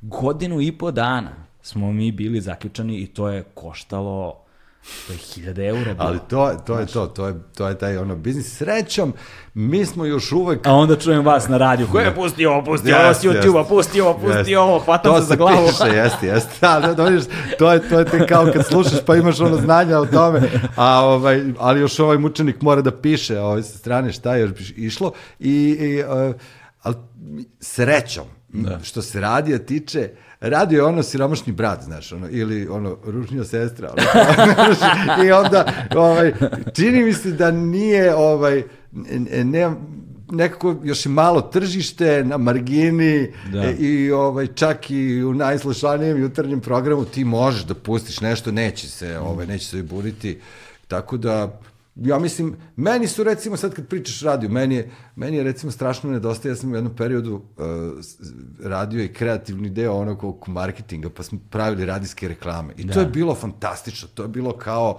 Znaš, radio sam sa Bošketom koji bira muziku, pa napišemo neki ono dobar tekst, pa onda zoveš ljude da to snimimo kod Roberta Kleina, pa onda se tu igramo ono ceo dan sa ovaj zvucima, efektima, glasom i zezanjem, pa onda dođe klijent, pa ono, daš, digne oči jer smo mi napravili neku ludilo, znaš, uvek ima i ona B varijanta straight, ono, koju, koju ne puštaš dok, dok ne prihvati ovo pravo, ono što si želeo, ali to je isto tako bilo karakteristično da ti kad slušaš radijski program, dobre radijske reklame su ko džinglovi, ono, da. kao, to je super. E, a i to se recimo, to, to mi mnogo više smeta zato što kao sadašnje radijske reklame su ono televizijske reklame bez slike. Da. I onda, znaš, onda imaš paradoksalne situacije, na to, nama je to super šlagvort za zezanje, ujutro imaš reklamu u bloku reklama koja kaže, vidite kako je belo, a ti puštaš na radio reklamu, to je, to je čudo, ali... Ali oni idu malo tu i na masovno, znaš, jer oni znaju ako spucaju tonu para i prekriju kao ćebetom oko ogroman medijski prostor, kada izgovore na radiju vidi ovo belo, ljudi evociraju reklamu koju su videli, znaš, jest. tako da, znaš, igra se sa asocijacijom, jest. toliko ne sa samom zvukom. Jeste, tom sinergijom, ono ti kao da. na radio vidiš belo, ali ovaj, al, al dobro, nama je to zanimljivo zato što ima i bizarnih i onda to meni su i on kao super tema za, za šlagvort kako se, kako se na radima i sad neko poslednje vreme su krenuli da pevaju i primetio sam revival ono vađenja hitova iz 80-ih u najbizarnije svrhe, ono prodaje ti nešto i kao... Bajagine pesme za deterđent, ono, znaš, to je tako, sad, mislim, ne nužno, samo hoću just, da, da dam analogiju, just. kao. ja, to je jedna stvar, to je jedna stvar koja mi se, recimo, strašno dopada kod tebe i primetio sam um, da postoji nekoliko vas, nazove pod znacima navoda, koji dolazite, ne, nije to nikakva škola, ali možda je to duh vremena koji ste kao nekakvi ono behavioralni, znači naš psiholozi gde primećujete zapravo, a to, to, to zapravo ima u, u Americi se to zove observational humor, znaš, znači to da. je to, vi zapravo dobro primećujete određene fenomene u društvu i onda imate tu dozu jednu humora koja je onako kao, kao ironija, nije, ali, je, ali je, ne znam kako to da objasnim, znači nije humorna keca. Delo je kao da ne, ozbiljno govorite o tim stvarima, ali zapravo čovjek u poslednjeg vremena bude, ja budu fazon čeka se ovaj zajebava, a definitivno se zajebava, znaš. To sam primetio kod Čavića i Šaponje, recimo, yes. kod ciklot, kad su bili ciklotron svoje vremeno, znaš, način na koji su oni obrađivali te fenomene, taj, to je nestalo pomalo, ali kod tebe taj duh ti si to do finese doveo i osjeti se u komentarisanju različitih društvenih fenomena, znaš, od da. politike preko bizarnih stvari internetu, Pa jest. A, a to vuče sve, još ti si pomenuo već nekoliko puta u razgovoru, volao bih da pričamo sad o tome, ja neću nikad zaboraviti kad sam ja tebe prvi put video. Ne, video sam, mislim, video sam te na TV-u. Ovaj, video sam te na TV-u, bio sam klinac, ti si radio TV Manijak. Mm -hmm. E sada, TV Manijak, zapravo ti si, sad, kako, ti si imao nekoga sa kime si to radio ili si radio... Mokim, sa, da, da, da, da. E sad, da. ja sam, znaš, potpuno... Goran Mojsin, Mokim. Da, izgo, izgubio sam potpuno njega iz vida, yes, lik, yes. sve, ali ste vi bili nešto ko Blues Brothersi, yes, zapravo slično yes. vučeni i ono, bude TV ispred vas, vi uzmete daljinski i šaltate kanale svega što je bilo u tih sedam dana, mm. jednom nedeljom ste imali emisiju. I imali smo uh, važnu, važnu ulogu u toj televizijskom izdanju, imao i uh, Vasa iz Škripca ili ovaj, iz familije koji je radio one fenomenalne animacije, on je grafički onako osmislio tu emisiju, što je meni isto bilo onako baš bogatstvo tu. To, tu smo uvek imali animacije u, u televizijskom izdanju, ali znaš, to je bio zanimljiv projekat zato što on je u stvari nastao od radija. I, i on je imao eksperiment na više nivoa. Prvo je, ovaj, prvo je bilo kao na radiju kad pustiš uh, samo sliku iz televizijskog programa, odnosno da kao eliminišeš sliku i ostaviš samo ton, e onda ti ostaje samo kao poruka šta je tu stvari rečeno. I onda se tu dobijao neki neverovatan komični efekt, naročito 90. godina, kad nemaš sliku koja te recimo, ono, ono može da ti zavede ono pažnju, mm. I onda su, kao, tu, tu je stvarno bilo šta god da snimiš i pustiš, to je glupost, ono, to, i, i to je bilo fenomenalno za, kažem, prikazivanje duha vremena. E, a, a emisija je u stvari dobila ime tako što smo mi, Mokija, sreli na moru, u Perastu, i počeli da pričamo o televizijskom programu, bio je tu i Raš Pavković, on je reditelj, on je sa nama na početku isto radio, i, ovaj, i onda Živina rekla, koji ste vi TV manijaci, znaš, kao, i onda smo rekao, možda, da kao, fu, tako će da se zove emisija, I onda prvo radijska, pa onda od 2000. do 2003. je bio televizijsko izdanje i tu smo snimili nekih ja mislim 80 epizoda i ovaj Tad se prava nisu regulisala, samo se uzimo sadržaj. Da, moglo ono, ve, znaš kao, ali da ti vidiš kako se ja sam to snimao na VHS, ono, da. to je ludilo, to kad smo kasnije došli do nekog ono prednjeg načina i, ovaj, i kao mogli smo, vodili smo računa koliko sekundi da se to sve potpiše, ali stvarno nismo nikad imali problem s tim. Čak, ovaj, i ovi koji smo zezali su se posle kao javljali, nije bilo baš nekih ono, nisam imao baš nekih preterano, ja sam ono, Bogoljub Karić je rekao jednom zvao je rekao emisiju, pa je rekao kao imam para ko salate, sve ću da vas kupim i da vam dam nogu u dupe, kao, kao samo napred. Znaš, kao, A šta ste stavili? Pa bila one čuveni ovaj snimak benda, ono, porodično koji svira i peva. Znaš, ali to je stvarno, bre. To, to, no, no, stvarno to. A on svira bas. Boga mi i oni. A prko ga, ono, artist previously known as Brko. Pa i Željko svira bas isto. I Željko, da, da, basista je naj ono, zebani član u bendu, to se uvek posle ispostavi. A, ovaj, i, I onda od tog, i, i onda naravno još bila i ta i, i kolumna u vremenu, od svega je ostala kolumna, mm -hmm. a ovaj, i, i, i sad to sa, sa TV manijekom je bilo zanimljivo zato što je bila, je, je stvarno mogao da se uhvati duh vremena. I sad da se ne vraća pretirano, to, to mi onda zvuči kao neki prvoborec, ono sad ja kao ono da. partizanski, ovaj, šta smo radio za vreme rata. Ovaj, ali ima jedna epizoda koju nismo emitovali, a, a to je strašno zbog toga što je toliko emisija, znaš, kad si toliko uh, u, u, u tom osjećanju i duhu vremena, i to je epizoda koju smo snimili 2003. godine i ona je snimljena u martu 2003. Mm -hmm. godine. Veruj mi, Ovaj, dakle, mi smo vadili i pokušali kao one dečije igrice, sličice da ti sklapaš priču. Znači ja snimim, ne znam, 20 priloga, izaberemo, ne znam, koji su najzanimljiviji, onda ih ređemo jedan za drugim sa tom pričom između koju je Moki kao dramaturg super radio, ono, mislim, on je jedno tu kao pokušao da da neku strukturu tom haosu, I, ovaj, I mi smo uvek mogli da napravimo, ispričamo priču koja je manje više govorila o toj nedelji i, i o atmosferi u Srbiji na osnovu tog televizijskog programa. I verovo ili ne, dakle, ovaj, mi smo imali gotovu epizodu koja se, sećam se, govorila o nekom, mi smo dobili na osnovu priloga koji sam snimio, mm -hmm. a to znači da je takva atmosfera bila, Stavno se govorilo o nekom, o nekoj borbi, o nekom jurišu, o nekom sukobu, o nekom, sad ćemo mi da krenemo, negde, to je vreme, dakle, mart 2003. godine i, i sećam se da se ta emisija završava tako što mi sa tih daljinskih, sa daljinskim rukama ustanemo sa tih ovaj, televizora na kojima smo sedeli, okrenemo se prema kameri i kao ono, kao onim partizanskim filmovima Bitka na Neretvi, kao ti potrčiš i nas kao nešto izrešetaju kobatu, ono, ti kao zadnjim trzajem prebacuješ program. I mi snimimo tu epizodu, ne mogu sad tačno da se setim kad smo snimili, mi smo recimo snimali sredom ili jednim danom, dva dana nakon toga je ubijen Đinđić. I ja sam samo pozvao Moke i rekao sam, ono, baš onako, to je onaj jungijanski sinhronicitet, nije to čudno, jer stvarno je ta atmosfera vladala tu. Mi smo imali i napravili emisiju koja je u stvari oslikavala E to je strašno kad je to do te mere onako, ti se to potrefi i odlučili smo naravno da tu epizodu ne emitujemo, ona je ostala jedina ne emitovana i pomislio sam da je, ovaj, da je najstrašnije od svega to što smo mi u stvari to očigledno mogli da vidimo i da osetimo i da, kako kažem, intuitivno do, već onako predvidimo. I to, to, to je bilo nama u stvari pred očima. Mm. A da se to desilo i da smo mi onda svi kao stali, kao paralizovani, kao u, ubili Đinđića. A to znači da smo mi ovaj, ko zna koliko bili već u, u tom onako u stanju, u da. tom, da, da, da, da je to moglo da se desi. Da, I znači, to je, to je, to je bilo tu. E, tad sam se naježio, tad, i to je onako, to je posljednja epizod 2003. A, ovaj, I onda sam shvatio da, da, da, da je to onako baš džavolja rabota, ono kao baš dođeš do, tog, do te tačke da osetiš, valjda je ta mržnja iz medija bila toliko jaka da si ti imao ovaj, taj osjećaj toliko je.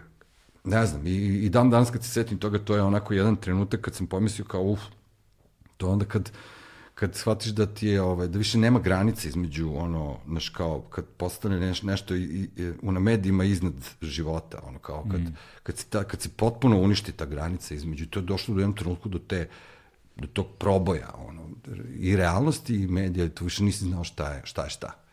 Da, to znači da u suštini za sve takve događaje, bez obzira na to koliko su tragični ili na izgled neočekivani i tako dalje, su u stvari u društvu uvek postoje nekakvi signali. Da, Znaš, naravno. da, da postoje pokazatelji nekakvi, ma koliko da su suptilni, ali tu su.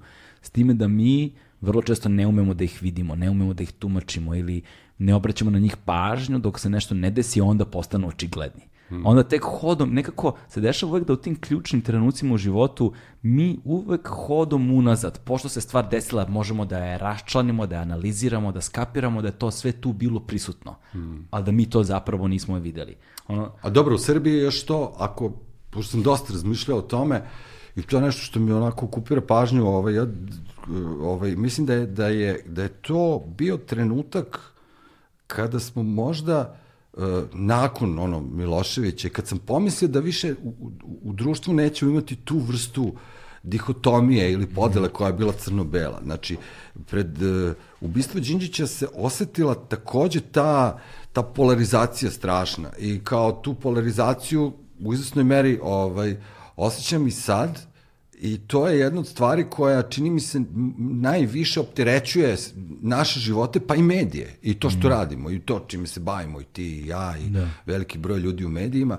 A to je, to je ta vrsta ovaj, strahovite ovaj, netolerancije, nesposobnosti da, da komuniciramo i da se, da se ponovo ta ta priča da, se, da, da je ta podela toliko jaka. I to po različitim osnovama, naravno, to sad da ne pričamo ni o politici ni o nekim drugim stvarima, ali, ali da, da smo mi u stvari uvek ovde žrtve e, da se, da se navučemo na tu, ono, na tu podelu i na tu, da, da, da nas stalno, da naj, najlakši način je to da se napravi neka vrsta te dihotomije. I stalno nabacuju koski, to ja mislim da nije slučajno, to, to se radi naravno smisleno, da, da se izaziva ta podela. Mislim, da, mislim da je to onako, da je to, da, da je to.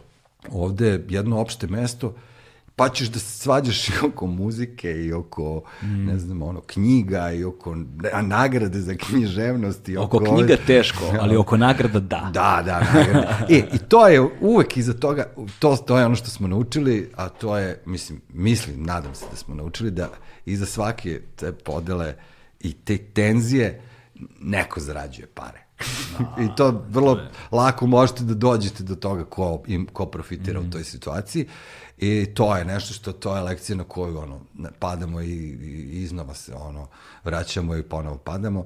Tako da ja stalno razmišljam o načinima na koje ovaj, mogu da prevladam tu, Da. da, da prevaziđem tu podelu i to još, kažem ti, od te 92-ke i tog elitizma i, i to je u stvari najveći napor koji u, u, ulažemo, čini mi se Gorice, a to je da, da zadržiš neku ovaj, neostrašćenu, ne po svaku cenu, to sad kad ti budeš ne, ono, kao pomirljiv da tolerišeš sranje različite vrste, nego da, da prosto ne, ne, ne upadneš u, u jedan od tih rovova. Da, E, to da. je najteže. Da, jeste. Ali ve- veoma je čudno, to sam, na primjer, od, kad sam dao otkaz, recimo dao sam, sad ću godinu, mislim, kad se ovo bude puštilo, prošlo je već godinu dana, a u trenutku kad pričamo nije još.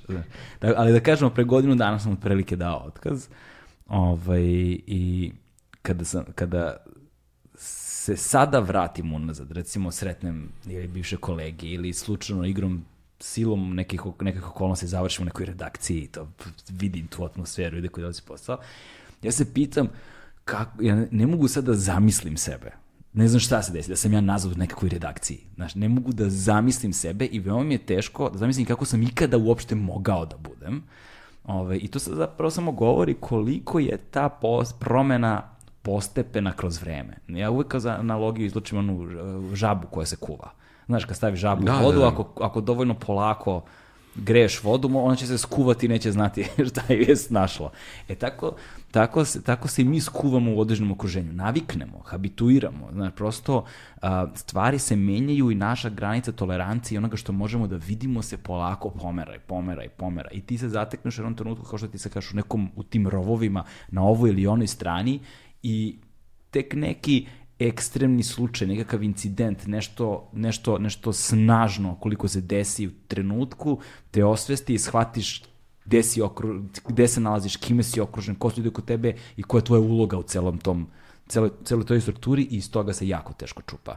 Nije potrebno samo ono ogromna muda i, i, i znaš, i kao hrabrost i žrtva i šta ti ja znam, nego tu su sad već i te neke nevidljive niti i emotivne ucene i finansijske ucene i ljudi se ovde bore za egzistencijalno pitanje.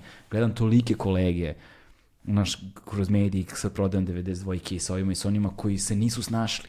Znaš, ima ih jako puno i koji Jasno. su ovamo, ovamo po različitim medijima i ti šaltaš kanale i vidiš ih i setiš se znaš, šta su nekad radili, šta sad rade i bude ti teško malo, znaš, bude nekako posmatram, nismo se, nismo se pomerili napred, čini mi se, znaš, kao društvo. I sad ti pričaš o toj atmosferi u vreme snimanja TV Manijaka, ali ti tu, po- tu, ti tu paralelu možeš da vidiš i dan danas. Jeste, jako jeste. dobro. To je, to je nešto što se nije promenilo u tom smislu, nismo napredili, evo ovih dana je kao 30 godina od tih prvih izbora koji smo imali. I, ovaj, Jebote, da, stvarno, 30 godina, 30 da. godina od koalicije zajedno. Da, ne, da. 20 godina od koalicije zajedno. Ne, ovo je a 30 godina od ono demokratska stranka Vuk i, i da, da, da, ovaj, da, da, da, da, CPO. Da, da, da, E, SPO, brate, jao. E, da, da. Ali i 20 godina od koalicije. Jeste. I sad kao, ti kad pomisliš 30 godina nije više malo, to bi trebalo da, da smo stekli, ne, da smo pre, preboleli neke dečije bolesti, da smo nešto, sa- sazreli smo i razvili neku kritičku svest, ali ne, mislim, ja vidim neprekinuti niz tog populizma mm. od tog vremena do danas. I kao, i sad onda kad razmišljam o tome, razmišljam i o, ovaj, to je isto jedna lepa, mislim lepa, ma, lepa, možda nije prava reč. ovaj, a to je ono kao, znaš, kao, sve to može da ti dovede dotle da neko kaže, a, ok, kao, vi ste radili na, na 92-ci, ne znam koliko, ja sam bio, ja sam bio kraći, ja sam bio 17 godina. Ovaj, kojim ciframa se barata, Tako, a? da. Znaš, dobio sam one akcije, to, one, kraj, o, snimačke, da. A, I, i znaš, pazi, tamo se upoznao Živanu, kao sve, kao to, tako, poformatiralo me po, po različitim osnovama. 92 je bila jedan od razloga zašto nisam zapalio 90-ih i zemlje, kao ima, na, našao sam neki smisao u tome što radim tamo. I sad kad se to sve tako desi, onda kao neko može da kaže, i, i govore, ovaj, pošto primećujem da je kao da nikad nije ni postojala, nema, nema ni tragova nigde, ono, kao zatiru se tragovi u, u tom sećanju, kolektivnom i u medijima. A ni to nam tako- nije novo, znaš. Jeste, jeste, da. Ovaj, kao što nemaš ni radikale, recimo. Znaš, iz 90-ih. Nestali su društvenih samo sa su- YouTube-a, brišu ih. Ovaj. Manifestuju se na drugi način, Da, da. da, da. I sad, ovaj, i sad, znaš, kao, pa eto, to sve skupa je bilo besmisleno, znaš, kao, ne, ja mislim da nije bilo besmisleno, ja sam jako dobro znao šta radim i zašto ra to da. radim za- i, i šta je ono moja želja, a ta želja je bila da se promeni nešto u Srbiji i ja mislim da nisam ovaj, uh, pogrešio stranu i da sam kao radio stvari do kojih ne, ne mogu da se stidim, nego mogu svojoj deci da kažem s ponosom da sam radio to što sam radio. E, a ono što se, što je bila jedna kratkotrajna iluzija, mm -hmm. to moram, tak, to je, o tome pričam i to sam sebi priznao još davno, sam ja stvarno jedan kratak period vremena, a, koji se meri, aj kažem, mesecima. Mm -hmm. Uprkos činjenici da sam znao kakva je opozicija koja dolazi, jer smo mi bili nekako glasilo opozicije, de- 92-ka, ja sam se stvarno ponadao da će ta energija koja se pokrenula dovesti do nekih dubljih promena. Da. E, slikovito rečeno, ja sam se stvarno nadao da će poslanici dolaziti gradskim prevozom na sednice vladi, da, da ćemo imati ono ne, neku suštinsku promenu koja će se videti, da, da neće se samo jedan režim zameniti drugim, već će se desiti je neka institucionalna promena, ne preko noći, ali neki znaci. I postavili su neki signali da će se to desiti. Evo, konkretno, ne znam, kada je 96. nakon lokalnih izbora Zoran Đinđić postao gradonačelnik Beograda, da šta je prvo uradio? Pozvao je e, Lutoviće reportere redakcije da dođu na radni doručak, da kao, da oni daju svoje viđenje kao problema u gradu, šta bi moglo da se radi. I onda su tamo bili Duća i Duća, e, Đoka Vještica, ne znam ko još, onaj ko je bio tad na radio televiziji Srbije u jutarnjem programu. I oni su kao stvarno sedeli tamo, doručkali, pričali s njim o tome. To je već meni bio znak kao, e, ovo stvarno nije bilo do sad. Da, da, da. Nešto se možda promeni.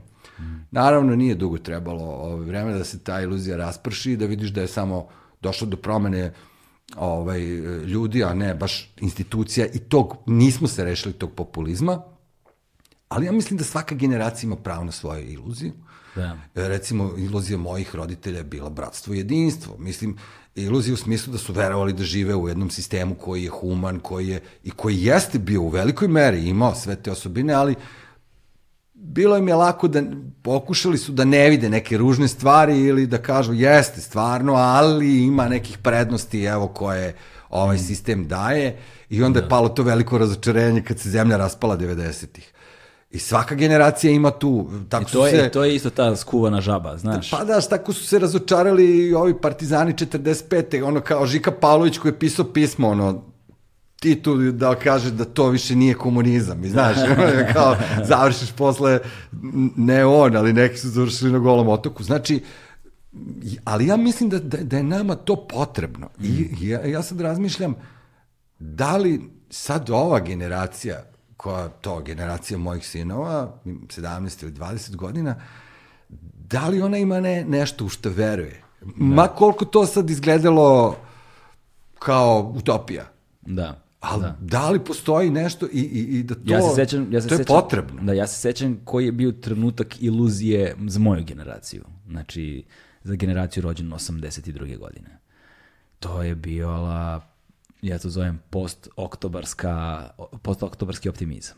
Dakle, mi smo imali, verovatno se sećaš, ali ljudi su zaboravili u velikoj meri nakon pada Slobodana Miloševića, desio se jedan ogroman talas optimizma koji traja otprilike do ubistva Đinđića. Yes. Tako, te dve, tri godine smo ga živeli verujući da promene stvarno dolaze. Ovaj, a onda se te promene nisu desile.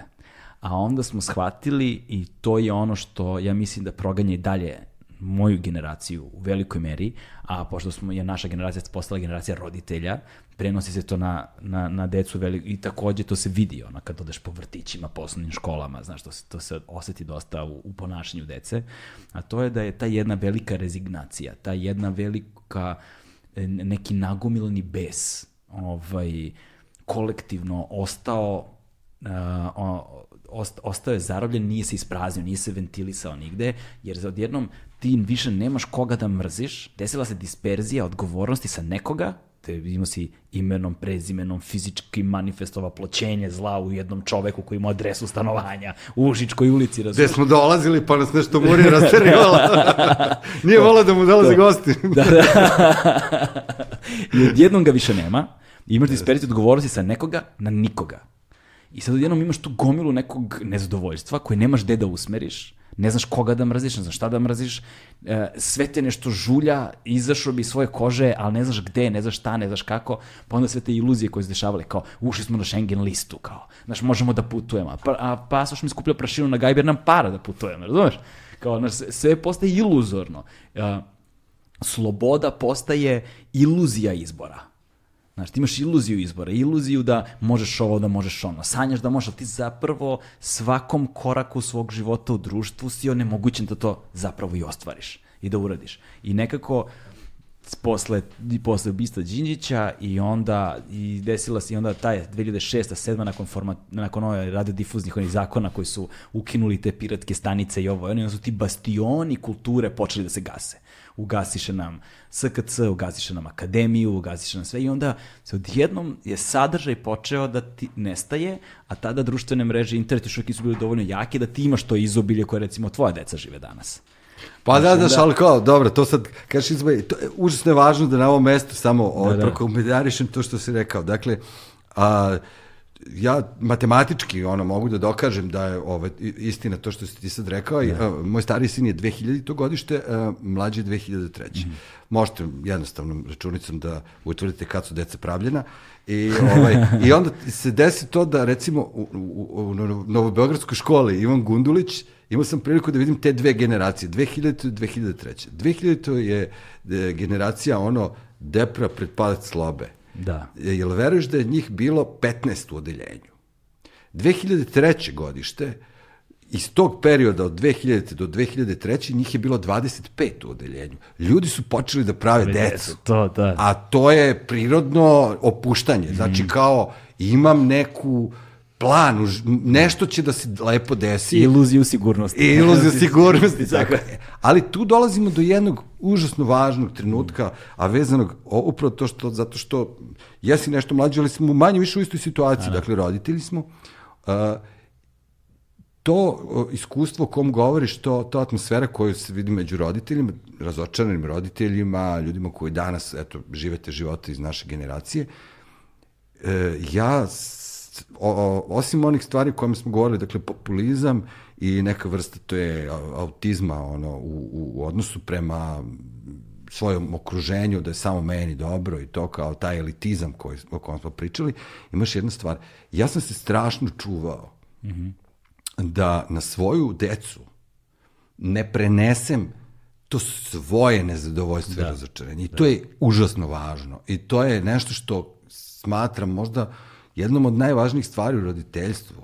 Mm. Jer e, evo šta se desilo. Dakle, e, oni su 2000. to i 2003. godište. Kad sumiraš situaciju, mi smo imali e, m, ovakvu priču. Moja majka je rođena u Prištini. Ja sam tamo rođen. Do neke treće, četvrte godine sam živeo tamo jer Čale bi ono tehnološka, ona tehnokratija, kao, dole su kao radili na termoelektrani Obilić, da, tamo su se upoznali to. I onda su videli da će tamo bude sranje, pa kao, aj, ajmo mi kao, nemoj ovde će da bude nešto, pa onda izaberu da odemo u Banja Luku da živimo, jer kao, odatle je Ćale rodom, da, pa će, tamo će da bude super, tamo je bratstvo jedinstvo i super, i tamo se raspadne sve, ja sam tamo išao u osnovnu i srednju školu, i onda do, ono u Beograd, i ovaj, I sad, e, oženio sam se živanom koja vodi poreklo iz Dalmatinske krajine. Mm -hmm. Ja bih imao sve, e, kad su se oni rodili pa pitali kao sve ono kao, a babe, dede, gde su živeli babe, dede, to oni su, nisu mogli da obiđu ni jedno mesto, odakle su im babe i dede. Ni Kosovo, ni Bosnu, ni Krajinu, Dalmaciji, znači, imao bih osnove, pošto su manje više rasterani iz svih tih ono srpskih zemalja, kako se to govori. Ovo, imao sam, vrlo lako bih mogao da prenesem, ja nemam tu mržnju, ali prosto da se ta mržnja prenese na sledeću generaciju. Da, bez problema. Pa to se dešava. I da tu dodam svoje lično nezadovoljstvo neispunjenim e, nadama 5. oktobra. Da. I da stvorim sledeću generaciju nezadovoljnih klinaca. I sad, nisu živjeli pod staklenim zvonom. Išli su u Gundulić, e, NBG, dakle, ono, hardcore ekipa, nama je TKV, komšnica u zgradi, znači mi smo odrasli, nama se dilovalo, naš kraj su zvali Drajzerova, da ulazimo detalje, mislim, ali ljud kraj. Da, da, da. E, posle toga ti ono treća Beogradska izgleda ko, znaš, ono, Snobizam. pa, veliki smo. Veliki, da, ali du- dugo ta gimnazija. Prosto moraš prođeš školu i onda kad, e, o, o, kad ti ne preneseš to svoje nezadovoljstvo, ne, nemaš pravo to da radiš. Da. Nemaš pravo da širiš dalje e, tu, tu, tu priču svoj možda neuspeh ili svoju frustraciju zbog toga što se nije sve desilo onako kao što si ti planirao u društvu, meni se na ličnom planu ne samo na ličnom planu. Ili da kažeš, a, pazi, ovi nam otirali šiptari u dozdo babu, ovi drugi tamo u Dalmaciji, ovi treći tamo u Bosni, kao sad to sve zapaljeno, srušeno, kao ima, mogli bi bez frke da ulete u taj Imaš trip svaki, imaš svaki izgovor da, da, ka, mrziš. da preneseš tu mržnju. I to je najvažnija stvar koja čini mi se sad, nismo zabrljali do sad, ne vrem da mogu, sad možda i kasno, već su svoji ljudi, ovaj, da se to nije prenelo. I onda kad gledam kako naš roditelji, e, to što kažeš, to, to prenose, to sad možda na to nezadovoljstvo kao sad, ne znam, Vučić, pa onda ti kao kreneš da decu filuješ. To nije njihov on nije njihov problem, on je da. naš problem. Mislim, kao, ti izlaziš, glasaš, još uvek nije, ono, kao, kad da, budu došli do toga, treba da, da, da budu što čistiji u glavi, da pogledaju, da vide gde smo se mi zeznuli. Da, da. I gde smo mi imali te svoje iluzije, da oni to malo pogledaju novim parom očiju mm. I, i da smo mi možda nekim ljudima davali preterani značaj da smo poklanjali blanko poverenje nekom mnogo takvih primjera. Da. Moj omiljeni primjer je Saša Janković, moram da, priznam. Da. Ljudi su bili, ja sam stalno pitao, čekaj, a št, zašto? Kao, samo mi objasni. Ja sam sve vreme bio u fazonu, vi znate da on bio u julu, brate. ja sam stalno pitao, znaš kao, ali dobro, ajde sad, ti mene ubedi, kaži mi ono zašto, mm. znaš. I to su ljudi, to, to, to je ta moć projekcije. Mi smo iz te želje Znaš, ono, to je ono, ko, ko devojka što čeka, ono, čeka, čeka, pa, znaš, pa, pa je svaki lep. kako, ti, kakav ti, kako ti mišljenje o Dritanu? Pa, znaš šta, ja sam od, od, od 2000. godine, a još i ranije, mm. dobro, sad to me i kao psihologija naučila taj način razmišlja, ja isključivo, mislim, na političare gledam bez emocija, mm. apsolutno. Da, da, da. Jer iz tih, ono, iz tih preteranih emocija iz, koje su mi nalik na one tinejdžerske ljubavi kad posle velike zajemljenosti kreće veliki hejt, ono Da, kao, da, da, da. e, toliko sam se ložio na nju, ona mi rekla, sam, i sad posle kad smo se rasturili, au, kao, pa najgora je, Da, da, kao da. je seljančura, najgora je, znaš, kao, prosto, ja samo političari merim, ono, e, rezultatima, apsolutno nisam uspeo i čudno mi je, znaš, kao, sećam se kao, ne znam, u, srednjoj školi, kao dolazim u, ono, u Beograd, ne znam, na, na, na studije, I kaže meni Ćale, kao, kao, kao e, čekaj, ti dolaziš iz Bosne, to je neka druga priča, potpuno, tamo je ono priča tri nacije, pa kako su one međusobno. Da, da. Kaže, sad tamo primetit ćeš jednu stvar, još ranije kad sam dolazio kod familije, ono, u Srbiju, e, kaže, ovaj, primetit ćeš jednu stvar koja može malo, delo je nesno. U Srbiji ljudi mogu da se posvađaju oko, ono, kad igraju karte, tablić i oko politike, znaš, ono u smislu sad da krenu da se glože na taj način. Da, da. U Bosni je bilo samo najvažnije da bude međunacionalna harmonija. Kao sad to, koji si ti konkretno manje je bitno, to vidiš i sad. Da. Bilo da su nacionalisti ili komunisti, samo da mi kao, naš, da, da se mi međusobno ne gložimo. Mm. I onda je meni tu bilo neverovatno, dođem ovde, vidim ljudi ljube slobinu sliku i to kao, čekaj, ne znam, ba ni Titovu nisam ljubio, znaš, kao, Da, a da. bio sam pionir i prošao ono kao Severna Koreja, vibe, ono ceo, Ceo, ceo, ono, da. pionirski. Kao, to mi je bilo jako čudno. E, ne bih volio da se to prenese, jer imaš stvarno neprekinut niz danas. Mm. I zbog te naše dece, ako, kao, ako mogu nešto da apelujem, ono, Da. nemojte Vidiš, to, da je- nastavljate dalje. To je, kao. to je, to je vrlo, vrlo značajan, značajnu stvar si pomenuo, jer nekako, znaš, sad čerkica naša ima, sad će u februaru dve godine, znaš, i sad deca su zaista ogledala nas samih i zaista kada dođu deca, nekako sopstveni život počinješ da osvetljavaš iz nekog novog ugla koji ti do sada nije bio poznat. I sve stvari koje su te formirale, koje si uzimao zdravo za gotovo, Da, koje su da. prosto bile prisutne kao sastavni deo tvog života, odjednom počinju da dobijaju nova značenja. Počinju da se ispunjavaju te ogromne praznine. Ili postaju beznačajno. Tako je, da, da. Znači, prioriteti se vrlo brzo ovako se sklope, znaš. Ovaj, I zaista testiraju sve tvoje, sve tvoje slabosti, sve tvoje mane, sve tvoje izlazi na površinu. Izlazi na površinu samo tako. I sad tvoja je dužnost, ono, sveta dužnost, da se zapravo najviše baviš sobom pre nego što počne da se baviš tim detetom. Dakle, jer ukoliko ne adresiraš Ukoliko podsvestne stvari ne osvestiš, one će upravljati tobom i nazivaćeš ih sudbinom. I tako ćemo preneti to. I onda tačno postoji taj trenutak u životu i to sam primetio posebno kada smo neostvareni, nezadovoljni, kada živimo u jednom osiromašenom društvu, da kad su socioekonomski faktori katastrofalni, kada nam je društveni status politički, ekonomski, na svakom nivou međunarodno banalan, kada uh, je naš identitet postao nevažan na međunarodnoj zajednici, u međunarodnoj zajednici, znači kao i, i, i onda imaš ekipu koja je s jedne strane puna rezignacije i ekipu koja je s druge strane puna neke nostalgije za nekim boljim vremenima koje možda ni ne pamte. I onda imaš tu situaciju da, da to se dešava sa ogromnim brojem, ja sam sad u tim godinama kada se naša generacija suočavaju sa tim u tom trenutku, da ono jedini kapital kojim eventualno baratamo, eventualno te nekakav kapital u kulturi kao jer smo doživjeli neke stvari, pa ti dođe neki klinac, a sećam se ja tog kluba kad je tu bio, ili ne, slušao sam ja ovaj band, ne znaš ti, znaš, ja sam ih slušao kad su se pojavili, razumeš, to je jedini kapital koji imamo, nismo zaradili pare, ne, mi smo prva generacija koja je globalno, ja mislim, neće moći da priušti sebi da kupi nekretninu, znaš, to je ono, nomadi smo na svakom mogućem nivou i odjednom se stvari zamenjuju iskustvima, važno je da si nešto doživeo, negde proputovao i suočavamo se sa time da dolaziš u jedan, jedno doba zrelosti kada se sreću dve osobe u tvom životu. Sreću se osoba koja si postao i osoba koja si želao da postaneš. I taj susret je vrlo neprijatan, veoma težak i tu zjapi ogromna razlika. Da, ako se ne srećeš redovno, onda to stvarno može da bude šok. To je baš ogroman, ogroman, ogroman To šok. je taj self, to Da, je da, da. psiholozi, da, da. Ovaj, i, i, i sa mnogima se dešava da zapravo tu vrstu susreta nisu osvestili sve dok im se ne pojave deca. I ovaj, to bude ogroman šok. Znaš, to, to bude ogroman šok i to je trenutak kada moraš da skapiraš da sada moraš da se u, da upreš ono i sve snage da tu sa tobom to mora da stane.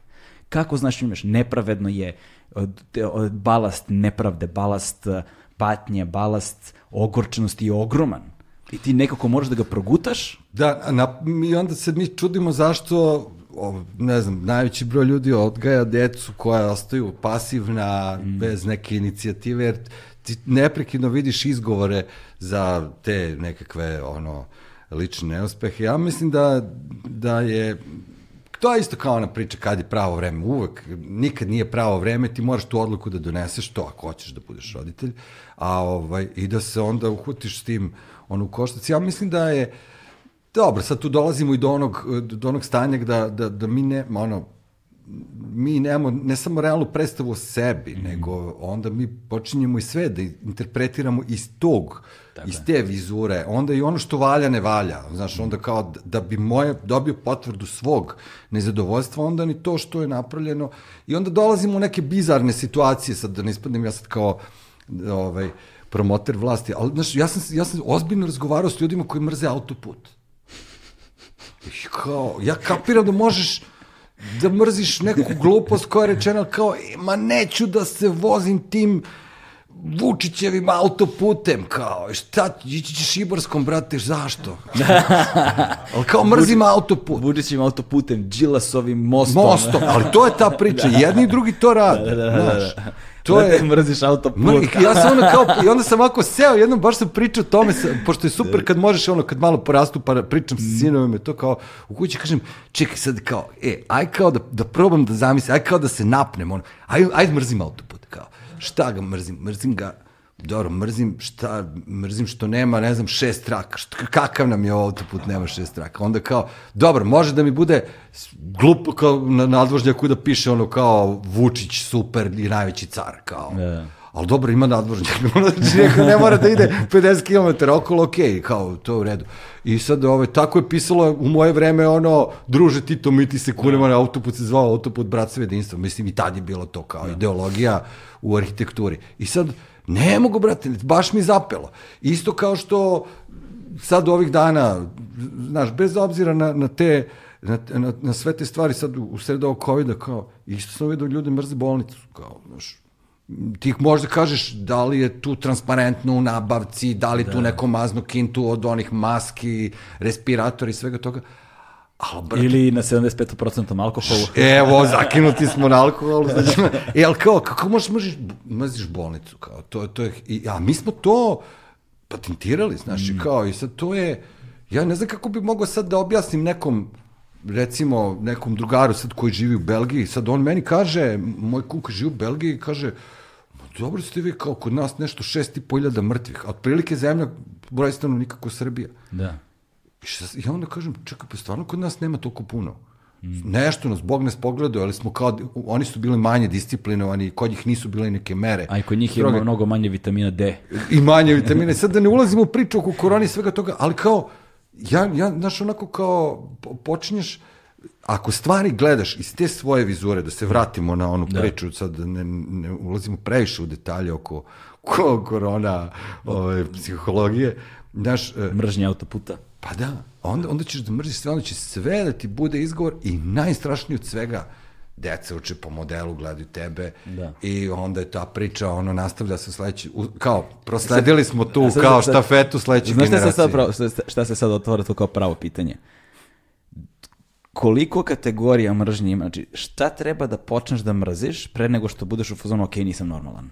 Ok, ovo je, ovo je besmisleno. Ok, mm autoput, tebi i meni mrziš autoput je prilično, prilično besmislena kategorija. Dobro, to mi je omiljena, ali, to mi je omiljena mržnja, da, da, ali, ali dobro. Ali dokle, kao, dokle Ima to ide? Da. Jer ljudi su mrzeli pekare, yes. sećam se, to je bilo naša yes. Markanova pekara, yes. ne znam, ili ne, tako, naš mrzi se, ovo, ovo je monopol, to, znaš, evo. Dobro, ja volim da hvatam te razgovore, one, u hodu, da, znaš, da, da. i meni je vrh bio kao, kad sreo dve komšinice, o, penzionerke na Novom Beogradu ispred zgrade, sad kao, znaš, ono, izašle, I sad drži cegere, treba, počeli su, pošli su u, u, u kupovinu i sad ne, što gleda, ono šućemo rasto vreme, znaš, ono, hoće kiša, neće kiša, pa sad već tu sad ono priča, a nešto su krenule priče oko banje, ono, da li da, se ide, da li da idu u banju ili da ne idu u banju, i ova jedna kaže, ti imaš penziju, ne znam koliko ti, tebi banja dođe jeftinije nego meni, tako, znaš, već ona zna i koliko ova zarađuje i sve to, to.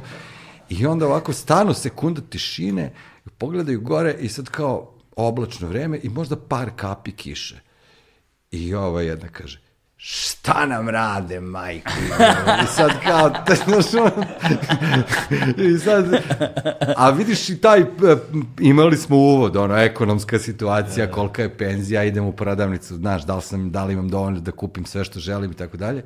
I onda ta dramska pauza i, i nebo, ono kao, znaš, kao, šta nam radi? Sad ko, ono, Amerikanci, ne znam, da li ti prskaju iz onih aviona, ne znam Chemtrails, šta. Da li ti chemtrails. šta je već. Jebote, ali te... Tako da to ako, ako, se, ako se s tim ne izađe na kraj, ono, stvarno je ono heavy, to zrači, to, to je, to je zeznuto zato što vrlo lako se prenese mm. i ako stalno ne vodiš računa, to je kao neki ružan tik, kao ono čačkanje nosa. Ono, znaš, kao vidit će tebe deca pa će to da rade. Tako je. E, e, tako je isto sa ovim stavom. I to je, mislim da je ono, tu ulažem stvarno najviše napora da ih ne ozračim, ono, tako da, da ih osta- ostaviš.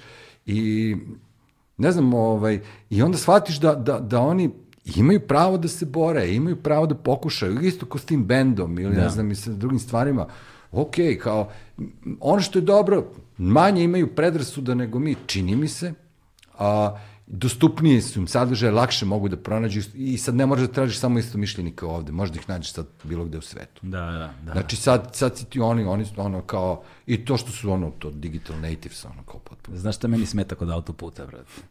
Pošto idem često tu da za Gornji Milanovac, sada, znaš. Ali Nema lepše- pumpa. Nema ni jedna.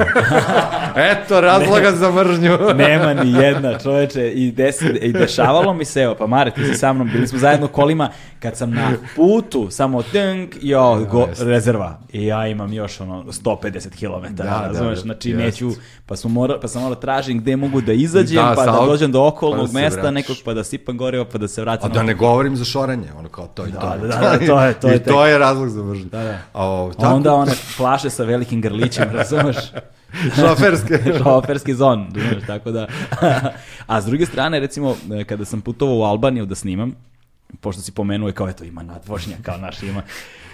Uh, leteo sam za Beograd Tirana, slećem u Tiranu i sada uh, radili smo priču o severnoalbanskim Virginama. Znači, A, znam, sad- da, da, vi i- gledao sam to, to je odlično. Da, i kad smo išli gore, uh, kad, smo, kad smo išli gore od tog Bajram Curija, zapravo Bajram Curija... Barem Curi je narodni heroj po kojem je to Tako ovaj, dobio mesto ime. Me, da, mesto je dobio, zapravo, zovu ga Bajram Curi, ali zapravo se zove Tropoja. U stvari. Tropoja je tako pravo da, ime, da. pravo ime, ali istovremeno ga zove i Bajram Curi i Tropoja. A Trupoja je inače sad postala to, balkanska mafija, kao ču, poznat toponim. Pa da, to je zato što, e, možemo o tome, mogu da pričam, dobro, znam. upoznao sam ih razne, znaš, Da, da. tamo, i stvarno sam imao neviđena iskustva, ovaj, i, i zaista mogu da kažem da, ono, veliki deo tih uh, stereotipa o Albancima koje smo čuli, koje znamo i koje gledamo na filmu, zapravo nije o Albancima, nego o severnoalbanskim uh, narodima, baš iz tih brdskih krajeva.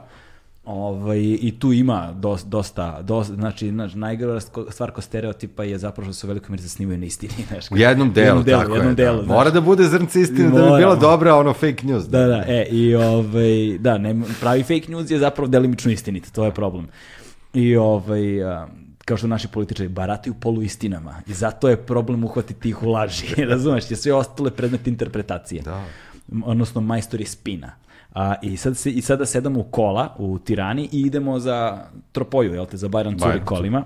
Brate, tad sam saznao jednu vrlo bizarnu stvar. Vidim ja, idem autoputem i svako malo ljudi pretrčavaju autoput. Pretrčavaju. Znaš, vidiš ono, ok, neki klinci pretrčavaju, vidi nenormalni klinci. Pa onda neki zreli ljudi, normalni, znaš, ono, pretrčavaju autoput. Pa odjedno vidiš porodica, dvoje dece pretrčava autoput. Pa vidiš devojčicu, čuka u telefon, drži baku za ruku i kao s vremena na vreme diže pogled od ekrana, gleda da li, da li dovoljno slobodan autoput da se pređe, da se, da se pređe, a pritom na svaki 5 km panduri, koji ti fazom za 5 eura jedu iz ruke, razumeš? I ti si fazonom, brate, šta ovde dešava? Ja sve vreme ne mogu da skapiram šta se dešava ovde i moj uh, a Aldo se zove, zva, zove fikser koji mi je radio tamo u Albaniji, kaže meni Aldo, kaže, ali brate, ovde nema nadvožnjaka. Oni imaju autoput ka, od Tirane ka severnom Pa delu, da. ka Beran Curiju i ogroman deo kilometraže, ne, mislim da skoro do kraja tog dela autoputa, oni nemaju ni jedan jedini Evo to sad, možda samo da, da, da ne obeshrabiš ove gledalci i slušalci. Znači, treba nadvožnjak, pa makar na njemu i pisalo Aleksandar Vučić je najveći car. Tako je, treba Miloš nadvožak je, Veliki, pa onda- nadvožak je važnja, važna Važna infrastrukturna, infrastrukturna stvar. To skapiraš tek kad odeš e, u Albaniju i kao shvatiš kao, u, može i da nema, onda nema. Može i da onda- nema. I onda sad, sad ovo ja prepričavam šta sam tamo čuo, dakle ne znam da li je istina, ali postoji ta tradicionalna mržnja između severnog i južnog dela Albanaca i da je tradicionalno su premijeri bili sa juga i da je zapravo jedini taj severni, severno-albanski premijer bio baš iz Tropoje, iz Bajran Curija, čuveni Sali Beriša. I ovaj, da on kad je zapravo postao tu, tada su od Tirane dobili autoput na gore, ali da se tu kralo puno i onda Da, nisu da. digli nadvožnjake. To sve poznato zvuči. Vrlo poznata, tako da divlji zapad nije samo kod nas, ono, Jest, znaš, jest. ali nekako simptomatično za ovaj region, region, region prilično. I ovaj, i, i, i onda da, mržnja, uh, mržnja. Ja mislim da je to jako važno. Mislim, ne znam, ono, ja nemam šta pametnije da kažem za ovaj, uh, za ovaj podcast, ali stvarno to, to je nešto što mi je neprekidno u glavi i, i kao psihologa me to zanima, ta podeljenost u društvu, to je isto, ali nije to sad kao meni palo napred, pa se nešto razmišlja, ljudi razmišljaju o tome širom sveta, naročito ovde kao zapadna hemisfera i psiholozi se bave tom temom vrlo ozbiljno. To se leči. Evo, moja drugarica sa studija koja je otišla ticajem okolnosti životnih u Holandiju, jer znaš da tamo kao recimo holandska vlada plaća terapiju e, ljudima kada u nekoj zajednici postoji mržnja, recimo u nekom mikronivou. Aha. I onda je ona kao, ona leči njihovu međusobnu mržnju. Ako imaš recimo na nekom delu, recimo u nekom kvartu u, u Holandiji da žive recimo tu sad neki došli iz Balkana, pa imaš Holandjane, pa imaš ove recimo neke što imaju ove neke uslužne delatnosti različite vrste i ti sad kao radiš sa njima, terapija, radi se vrsta terapije da se prevaziđe ta vrsta podeljenosti i mržnje. I to, i to, to se plaća, shvatili da to problem. I ako to ne rešiš, imaš situaciju podeljenog društva. Evo sad to gledaš i u Americi i, i neki ozbiljni psiholozi se time bave. To su mi trenutno naj ovaj, zanimljivija predavanja koje gledamo ono na imao, toplo ti preporučujem Jonathana Hajde da pogledaš, čovjek je govorio o tome u Americi, on kaže da je sad recimo za razliku od pre 10 ili 20 godina nezamislivo da da recimo da ti iz porodice koja je tradicionalno glasa za demokrate, da se recimo oženiš devojkom koja je kao iz neke ono republikanske kao tradicije, Jer ranije je to bilo kao, ok, to je tipa preferencije, kao što su neka konfesija. Danas su se podele tamo strašno zaoštrile. E, ali igrom slučaja, igrom slučaja upućen sam u neka istraživanja i to baš od pre neku nedelju, koja su se bavila tom temom na prostoru Sjedinjih američkih država. Da, da. Gde su shvatili da ta istraživanja koje su rađena na tu temu republikanci i demokrate imaju u sebi uzidanu, ono, ugrađenu m, manu zbog koje su ta neka istraživanja zapravo proglasili nevažećim. A to je zato što je kontekst u kojem se o tome govori veoma važan. Tako je. Zato što kada se ljudima postavljalo pitanje, shvatili su da su im davali samo opciju na istraživanju, da opciju da li je kao, znači nisu dali ni jedan drugi kontekst, nego su samo dali kontekst da se vaša ćerka ili vaš sin ožene ili uda nekime ko Da, socijalna distanca, da, to- to su- su suprotnog, suprotnog političkog, Da. da. li biste pristali ili ne. I samo su im to dali kao pitanje. Nisu im dali ništa drugo kao kontekst. A kada su ponovili istraživanje u kojem su rekli da se da je on, ne znam, doktor ili ona doktorka ili da je ovo ili da je ono, da se bavi ovim, da se bavi onim, da se bavi onim, između ostalog glasa za republikance i to, ali onda kad oni iz konteksta shvate I to se vrlo često kao potpitanje postavilo. Pa pazi, ukoliko neće o tome da, pomen, da po, počinje za nedeljnim ručkom, ukoliko neće, razumeš da se to bude, jer ono što se skapirali jeste da je to njima, onda to jedine informacije koje imaju osobe na, u istraživanju jeste ta. I onda na osnovu te informacije formiraju sliku Da, osobe. to su ova površna istraživanja koja su polling ono za, za glasanje. Ali kad se pokazalo da, da je da, da širi stvar kontekst je, da, mnogo jeste, manji kada se, procenat kada se ljudi. to dublje gleda, ovaj, e, e, ta podela koja postoji čak i u zemljama koje, u kojem, koji su bili primjeri, tipa Švedske, ono, gde, gde ti sad ovaj, imaš mržnju prema migrantima, koja ranije, ranije je bilo ovaj, da, da ti prihvatiš sve, pokušaš da ih ono učiniš delom integralnim društva, tako dalje. Sad i tamo postoje ozbiljne ovaj dihotomije i podele. I, i javljaju se ne, ne javlja se ta, zato što e, to se tumači, recimo konkretno ovaj čovjek to tumači da mi u, u svoje stereotipe koje gradimo ugrađujemo i etičke neke kategorije. I da mi kada govorimo o nečem, u nekome ko je različit u, po mišljenju ili u nekom drugoj osnovi, mi počinjemo da konstruišemo te etičke ove, konstrukte vezane za zašto mi to radimo. Mm. I mi u stvari, to je ona čuvena priča, on ima tu divnu metaforu o onim pilulama kao u Matrixu. Aha. E, I a, crvenu ili plavu pilulu. Da li želiš, ako želiš da prevaziđeš u društvu, to ti onda treba da popiješ onu pilulu koja te stavlja u stav onoga sa kojim se ne slažeš mm. i da pokušaš da razumeš njegove argumente.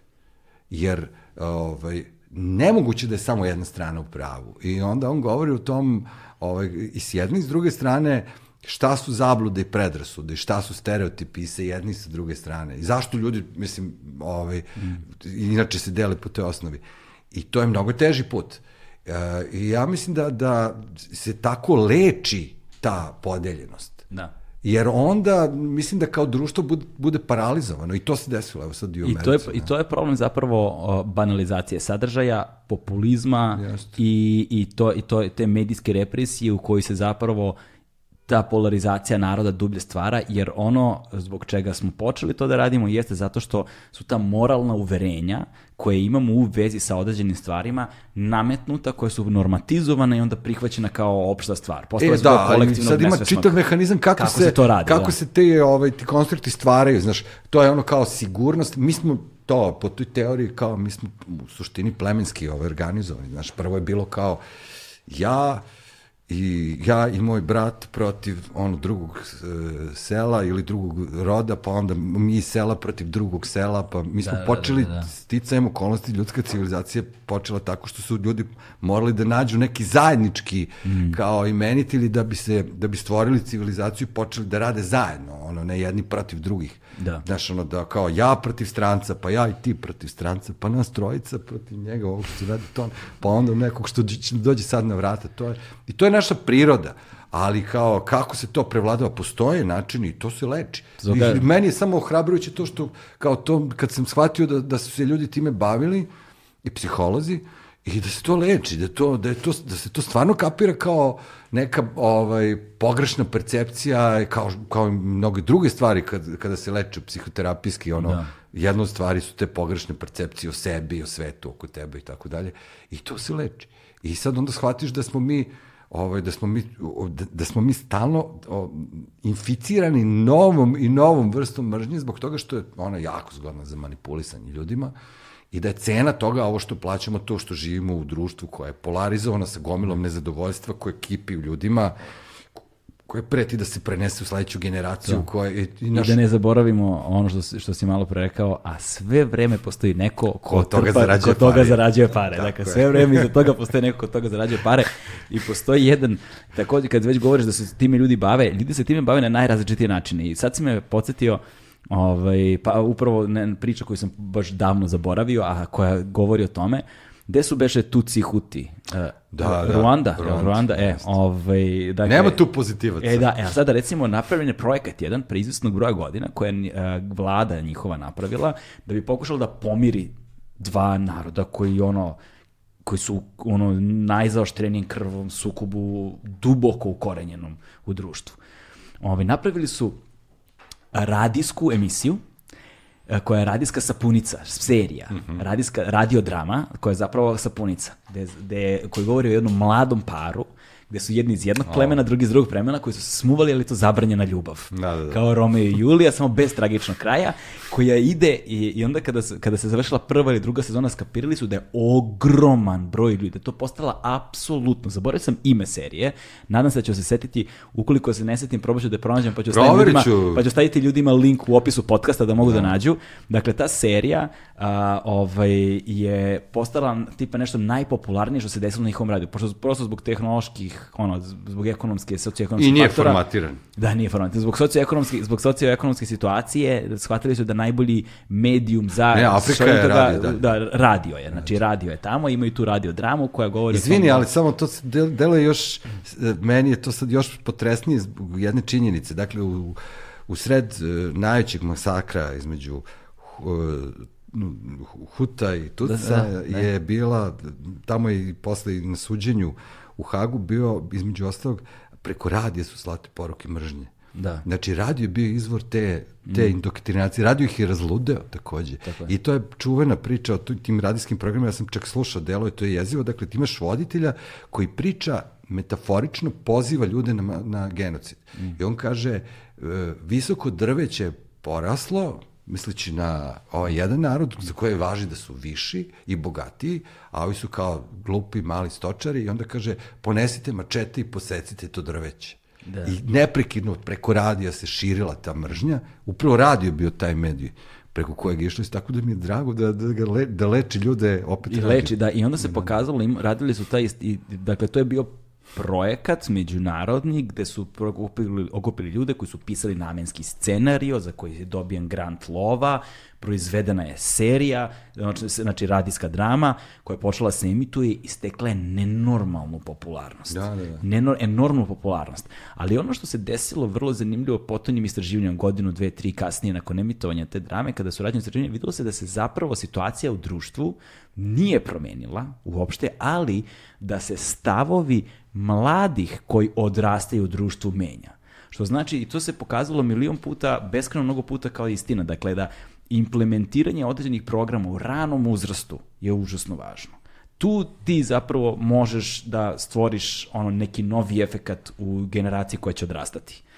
I da je ta serija postala toliko popularna da su morali da produžavaju i da produžavaju. Sad ne znam koliko sezona ta serija zapravo već još uvek postoji i ona se i dalje igra i to je kao, znači da, i, i ona je i dalje je broj jedan, što opet govori o nekakvom novom optimizmu koji postoji i da opet govori o nekakvom skrivenom ljudskom faktoru Pa daš kako koji to ispod je svega da, tinja. razumem. Tinja ipak. To je znaš kao to je davno sam razmi, razmišljajući o tome kao kako tu uloga medija treba da bude, to je ona priča e, mediji prate društvo.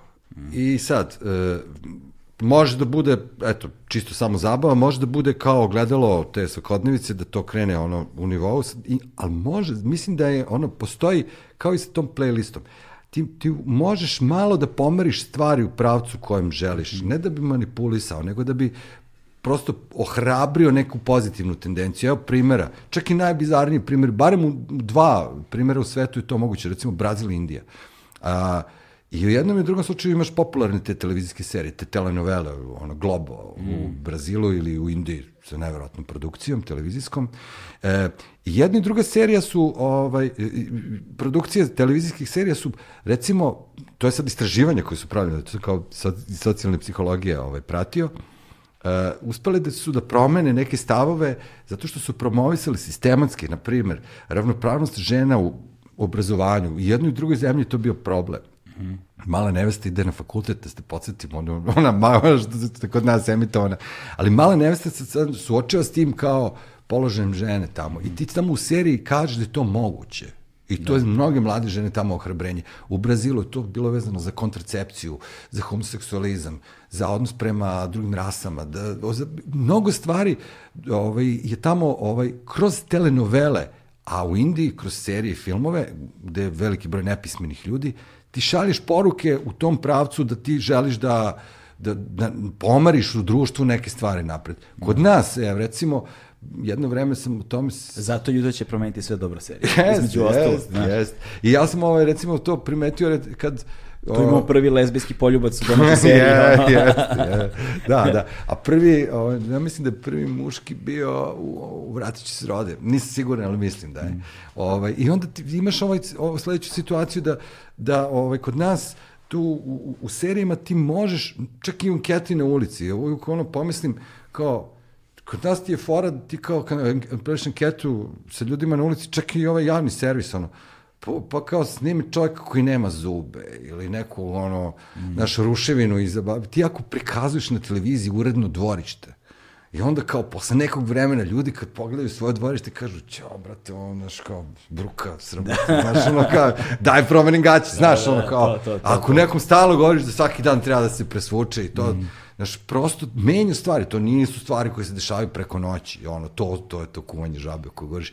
To je možda jedina pozitivna manipulacija u medijima koja ima svoju ono svrhu, ali tu je užasno bitno do koje mere ideš ispred mm. razvoja društva. Ako ti stvari poteraš mnogo napred. E onda dobiješ bizaran primer kao što na hrtu ono puste valcere u ponoć za novu godinu, a vi ono pre toga im cepala Severine, onda svi prebacuju na ono srpsku televiziju da gledaju cecu, znaš, Da, kao, nemoj mi, brate, valcer, ono, znaš, kao, mogu nešto, kao, ali, i, i to su, recimo, ja se to pamtim još... To je isto određena vrsta nasilja. Znaš, Da. Kao, znaš, sad me maltretiraš. Da, ono. i, i, i to, to recimo tu kad je bila Jugoslavija u tom smislu ozbiljna država, oni su znali kojom brzinom mogu te stvari, nekad je to bilo i u silu, ali su dostignuti neki standardi. Ovaj, Mislim, važno je strašno da bili. napomenemo da u svemu ovome ni, ni jedna od ovih stvari nije bila idealna niti savršena. Znaš, nije ni Naravno. Indija idealna država, nije ni Brazil da. Indija, nije ni Jugoslavija tad bila idealna, ništa to nije idealno. Ali tu ako jako ti puno mana nakon- postoji da. i nemojte se fokusirati Ne. na mane onome o čemu govorimo, nego Jeste. na,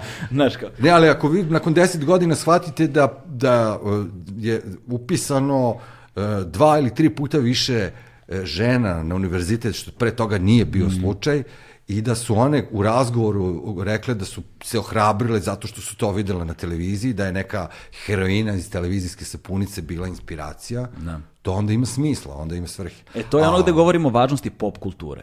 Znači, popularna kultura zapravo ima užasno jaku društvenu ulogu, odnosno potencijalno može da ima, to je ono što smo govorili. Dakle, nije stvar nužno ni dobra ni loša. Stvar je u tome kako je upotrebljavamo.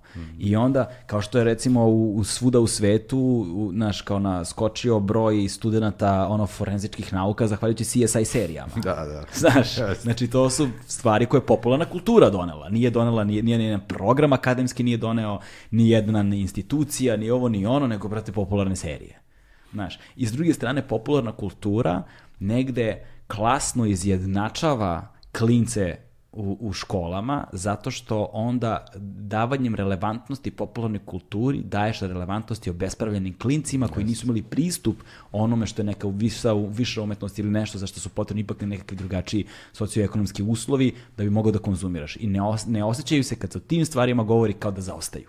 Jeste, i popularna kultura je po svojoj prirodi, ona nije elitistička i ona ima tu kao meni blisku, jel, tu kao, da ne, ne krijemo, zato što meni je bliža ta kao ideologija socijalne pravde i jednakosti. Jako mi je teško da prihvatim aristokratiju kao model ovaj, društvenog organizovanja, da neko, da ljudi nisu ravnopravni po bilo kom osnovu ili jednaki, ali e, to ima naravno i svoju ono, kao kažem, komercijalnu stranu. Danas, evo, ti si pomenuo taj rad na MTV-u, danas ti se pogledaš sve ove popularne zvezde imaju, sad, sad, sad je žešće in da ti imaš na društvenim mrežama i svoj politički statement ili nekakav angažman i to, to je deo takođe koji, ali to onda proširuje vidike i klincima daje mogućnost da razmišljaju o tome da kao ne mora da bude sve samo puka zabava, nego da to ima sa sobom neku odgovornost i da kao možeš da da kažeš nešto o važnim stvarima, ne mislim sad na ćevape i ovu, Dua Lipu i Ajvar kao, i kao promovisanje nezavisnosti Kosova, nego govorimo da oni,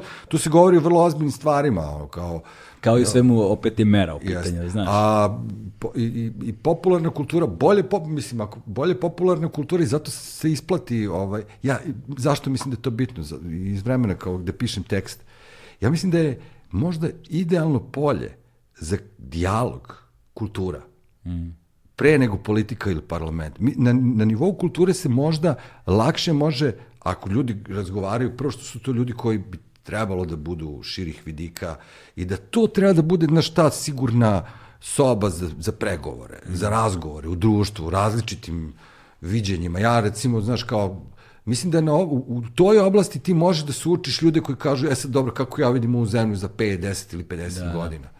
Mislim da parlament nije, pokazalo se da, je, da nije mesto za to. Ovaj, Posebno sada. ne zato što ovde sad u oblasti kulture imaš sad neke mega pametni ljude, nego prosto kroz kulturu se prelama i to, pa je možda, možda će ti ljudi lakše da dođu do, do, do nekog konsenzusa, nečeg što je ne, ono kao, što svi želimo. Da. Svi želimo da živimo u društvu u kojem imaš manje tenzije, u kojem nema mržnje, u kojem imaš ovaj, kažem, nekakvu ravnopravnost, jednakost, kojem zbog drugačijeg mišljenja nećeš biti progonjen. To su sve neke univerzalne vrednosti, ja mislim da svako normalan bi se složio s tim i da tu kao na takav način treba razgovarati o ovoj temi, A drugi način koji nas sravnjuje takođe taj anarhističko levi je virus. On, on ne bira, on je prema svima isti. Da, da, mi se u stvari živimo u jednom dobu kao jednog, kako kažem, epidemiološkog komunizma. Jer virus virus je napao i najbogatije i najsiromašnije, tako da, ok, možda sirotinja više umire, ali ne može da stigne do bolnice, ali virus je... Kako Znaš tako, kažemo, virus je takođe istakao i ogromne klasne... Subverzio. Znaš kako, virus je opet istakao i ogromne klasne razlike. Just. Primetio sam zaista, zaista sam primetio da... Vratio je tu temu, prosto. Da, ali vratio je tu temu zašto su sada u pitanju životi mm. svakodnevnom nivou direktno ogoljeni. I primetio sam da a, kada se posmatra i ta statistika, kada se posmatraju ugrožene grupe i tako dalje, ti opet vidiš nužno jednu klasnu matricu. Mm. Jer oni koji su bogati, koji žive u izolovanim sredinama i posu, jebavaju ale po svojim vilama ili svojim brodovima na okeanama, nije isto kao ovaj što mora jebi ga iz Batenice 95-icom da dođe do grada da šljaka, znaš, i onda su, je u, nagurano u autobusu yes, sa maskom yes. sa gomom drugih ljudi. Verovatnoća koga će da zakače virus, u kojoj količini, na kakav način i kako će celom svakom sledećem procesu, svakom sledećem koraku razrešavanja tog problema, ono, od primanja u dom zdravlja, yes, od pregleda, dalje, znaš, do toga da završi u COVID bolnici ili u privatnom smeštaju, razumiješ da će da ga titraju tamo, klasa, nažalost, opet igra jeste, ogromnu jeste. ulogu. I ta priča da mi na nivou mm. pojedinaca i nivou država, znaš, ono kao sad, ko će kupi vakcinu, ko neće, osiroti njima da ono čeka vakcinu još dve godine. Tako da, da. istina, ali, ali je, pošto je sve ogoljeno sad do onog najelementarnijeg egzistencijalnog nivoa života i smrti, da. onda je to nekako tema koja je upala. Mm. Oči, to je kao, to je kao kad se skuplja novac za ovu bolesnu decu u Srbiji, I ti shvatiš da neka farmaceutska kuća koja će zaraditi milijarde od ovih lekova koji se sad prodaju, bilo su u pitanju vitamini ili vakcine, nema veze, da, da je u stanju da naplati lek za jedno dete 2,4 miliona dolara. I onda ja, ne, ja stvarno ne mogu da prestanem da razmišljam o tome. Posto, ja inače, mislim, kako kažem, nisam, nije mi novac kao tema da. često u glavi. A, ono, a i nisi teoretičar zavere? nisam teoretičar, ali kao razmišljam, kao kakav je to svet u kom živimo gde lek za bolesno dete košta 2,4 miliona dolara i tu nemam odgovor na to pitanje. Isto kao što nemam odgovor na pitanje sad kad je to krenula korona i kad je ovaj Bezos prešao 200 milijardi bogatstva ličnog, što je prvi put se desilo u svetu. I onda sam ja ako, sam stvarno, nisam brzo autoput, nego sam pokušao da da razumem šta to znači kad ja imam 200 milijardi dolara, dolara ili ne znam, evra, nije ni bitno. Kao, pa sam onda otišao na neko istraživanje kao koliki je ono GDP kao po zemljama različitima, sam skapirao da je to četiri godine sve što se proizvede u Srbiji, imamo nešto oko 70 milijardi. Znači, tri, četiri godine to da ništa ne radimo, da to kao bezus nam, kao sve može da nam pokrije. Samo da kao se sivača musi sa sve. I šta radiš s tim parama i prosto kakvu tebe kao ljudsko biće, kakvu te situaciju stavlja toliki novac. I isto kao da, a s druge strane imaš to kao da nečiji život tačno možeš da odrediš ono, da košta 2,4 miliona dolara, onda Srbija šalje SMS-ove i... Da, to su cifre koje su toliko nenormalno velike da ti zapravo ne možeš ni mislima da ih obuhvatiš. Da. Uh, stalno to pominjem, baš dosta često, ovaj, kada pokušavam da oslikam razliku u veličini brojki, kao razlika između miliona i milijarde, pa onda puta 200. Znaš kao, koliko traje milion sekundi? Da. 11 dana. Koliko traje milijarda sekundi? 31 godinu. Znaš, to je ta razlika. Znaš, koliko je milijarda. Da, ako si ono svakog dana podavao, u svakoj sekundi po jedan ono dolar, eto, to je to, 30 godina. 31 godinu da brojiš pare. 30 godinu brojiš pare. Eto, do, odlično ti je. Do jedna milijarda. Eto, da. On ih ima Dosta si mi sad ovaj, olakšao. Da. ja sam sve nešto to po GDP-u, sve da. po ono ko, puno dnevnih gledam, ono, pa mi je ostalo. Ali stvarno, ja sam ono pokušao da, i sad kao šta se tebi deša u glavi s tim, kad ti kao sa tim parama živiš i kao šta može ti padne na pamet i, i da neko zaista te kompanije su neke profitirale od, od krize od korone. Ja mislim da, da, da, da, da ta nepravda, ta raspodela bogatstva u svetu, jer to je ono o čemu razmišljaš. Razmišljaš naravno o sledećim generacijama u budućnosti sveta mm -hmm. i kao kakvu, kakvu planetu ostavljamo ovaj, deci. Evo, i, i, i postoje takve stvari koje ti ono, uh, kao kažem, prosto zaokupe, nisam sad ono obsesivac, nego prosto neke stvari ti ostanu. Evo, celo jutro, u stvari juče se to desilo, to sam vidio na Euronewsu, pa sam razmišljao stano, evo već dva dana razmišljam o tome, ovaj, e, juče se desilo prvi put na Wall Streetu se trgovalo vodom. Znači, voda je postala kao resurs, e, predmet trgovine prvi put. Ovaj, juče bio, znači, istorijski datum po dva osnova. Znači, Ikea je objavila da ne, ne štapa više katalog posle 70 godina. Znači, sve ovo što imate po gajbi čuvajte. Znači, Postaje to- kolekcionarsko nema, izdanje. to je sve sad kao kolekcionarsko izdanje, ko sličice iz albuma što sam skupljao. E, ali, ali, on, sad- ali to samo ona, ona poseban, on je poseban album iz 94. kad nije bio Panini. Da, da, da. Još ako imaš mađarsku. Yeah. pa, ja znam ljude koji su poredili cene. I druga stvar, trguje se vodom.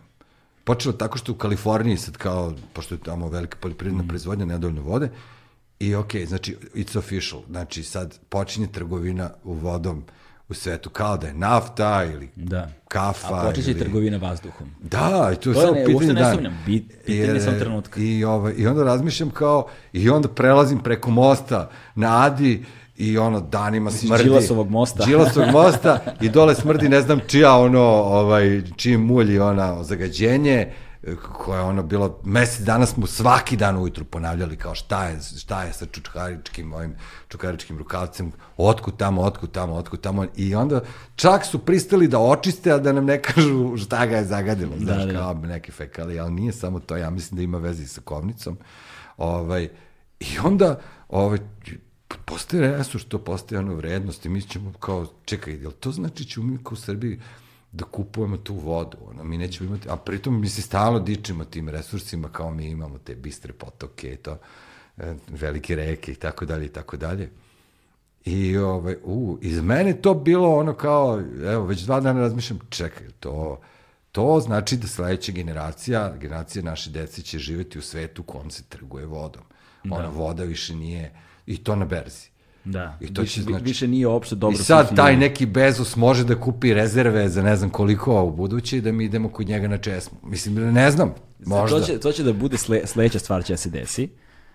Pazi sad, skoro potpuno sam siguran u to. Javljati se. Pod nek, javlja mi se. Javlja mi se, Dobro. javlja mi se. Da, ovaj, da će biti, ovako će to da izgleda. Desit će se geografske zone, biće zone, neke vrlo ugrožene, u kojima je infrastruktura takva da je neophodno da postoji određeni uh, sistem u kojem da bi se obezbedila konstantna dopremanje vode, morat će da postoje vodene stanice, a da bi se te vodene stanice servisirale, bit će neophodno da ubaciš novčić. Mm. I onda će biti kao uh, vending mašine, vending aparati. Dakle, uh, bit će slavine, okreneš slavinu ne radi, ubaciš novčić i imaš 10 sekundi vode. Ko u salonu u šopingu. Ono. Da, ono, jedan evro i onaj balončić, znaš, ispred samo posluge. To. E, ali biće, biće, neće da ti daju, neće, da, neće biti ambalaža, Da, nego će biti slavina, ubaciš novčić i slavina ti 10 sekundi pušta pa šta ufatiš. Mm. Znaš, i to će da bude ko šta pije ja častim. Da, da, mislim, to, meni je to sad onako već neka ono, strašna distopija, ono, već sam imao asocijacije na ono Mad Maxa, znaš, kao, ja, kao trguje se vodom, wow. I A da, ovaj poslednji Mad Max se time bavio. Čega god se ovaj, ta ekipa s Wall Streeta uvati, tu ono, znaš, Mm. opet neko zarađuje, ili tako, pa onda... Tako da nije u pitanju teorije zavere, nego kao sad kad razmišljaš o budućnosti, onda razmišljaš i o tome, kao... Da. I, ovaj, I ja, tu se vraćamo na ono, dakle, nije pitanje samo kakav ćemo uh, svet da ostavimo naše deci, nego i kakvu ćemo decu da ostavimo. Da, da, da. Znači, tu je ono, kakav će oni odnos prema tome da imaju, na koji način će oni da se opode prema svemu. Ono što mi se dopalo kada se pojavila ova mala Greta Thunberg, ovaj, jeste što sam sada prvi put video, znaš, pitanje očuvanja životne sredine, pit, ekološko pitanje se već dugo provlači i svaka generacija pokušava da ga nekako implementira, tako da se mi identifikujemo sa tim problemom i da zaista ga doživimo kao svoj. Ali nekako se to nije primilo ni jednoj generaciji. Znaš, nije se primilo ni jednoj generaciji. Baš se sećam jednog sastanka uh, koji smo imali online dok sam radio za prethodnu kompaniju i sad međunarodni sastanci napravili su ceo neki, bilo je baš oko Grete Thunberg mislim da je bilo, uh, bilo je kao to je bio global push su to zvali, sve kancelarije moraju sad da se bave tom temom i svuda su rezultati bili sjajni, samo mesta gde su bili loši, loši rezultati te kampanje su bili Grčka, Srbija, Rumunija, dakle ovde je problem. I onda imamo online sastanak i u fazonu su, znači do vas je nešto, vi ste nešto loše uradili, znaš, s obzirom da prate ceo svet, ono kao reaguje dobro, samo kod vas ništa, znaš, i onda se kolega iz Rumunije javlja i kaže, kad bi pitali zašto kod vas ove eko teme, razumeš, ne prolaze, a oni kaže, because we have real problems.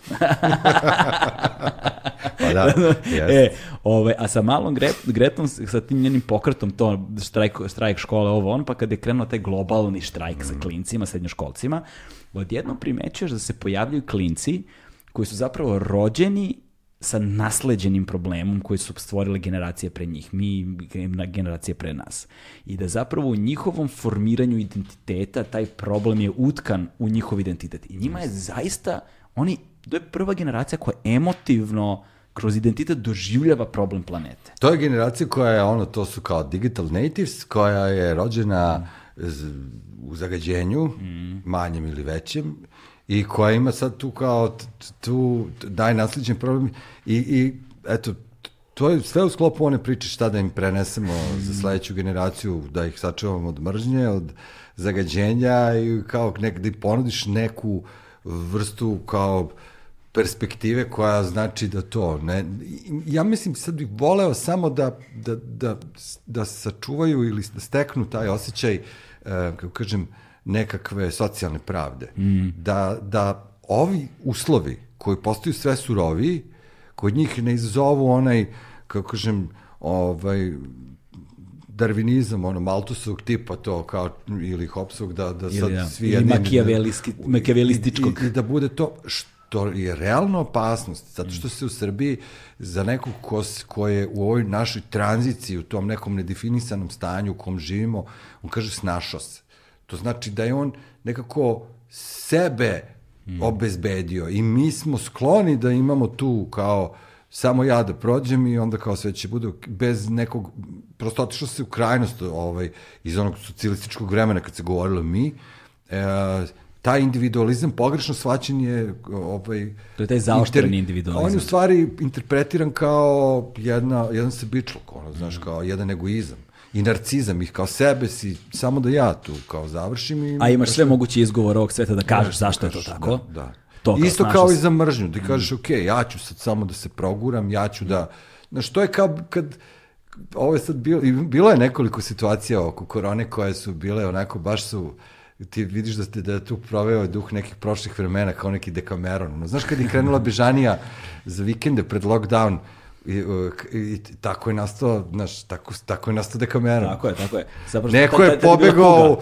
Kuga, da, je bila taj. Jeste, kuga, kuga. jeste. Neko je pobegao na Kosma i na vikendicu i počeli su da pričaju jedni drugima priče i kao tako je nastao kameran.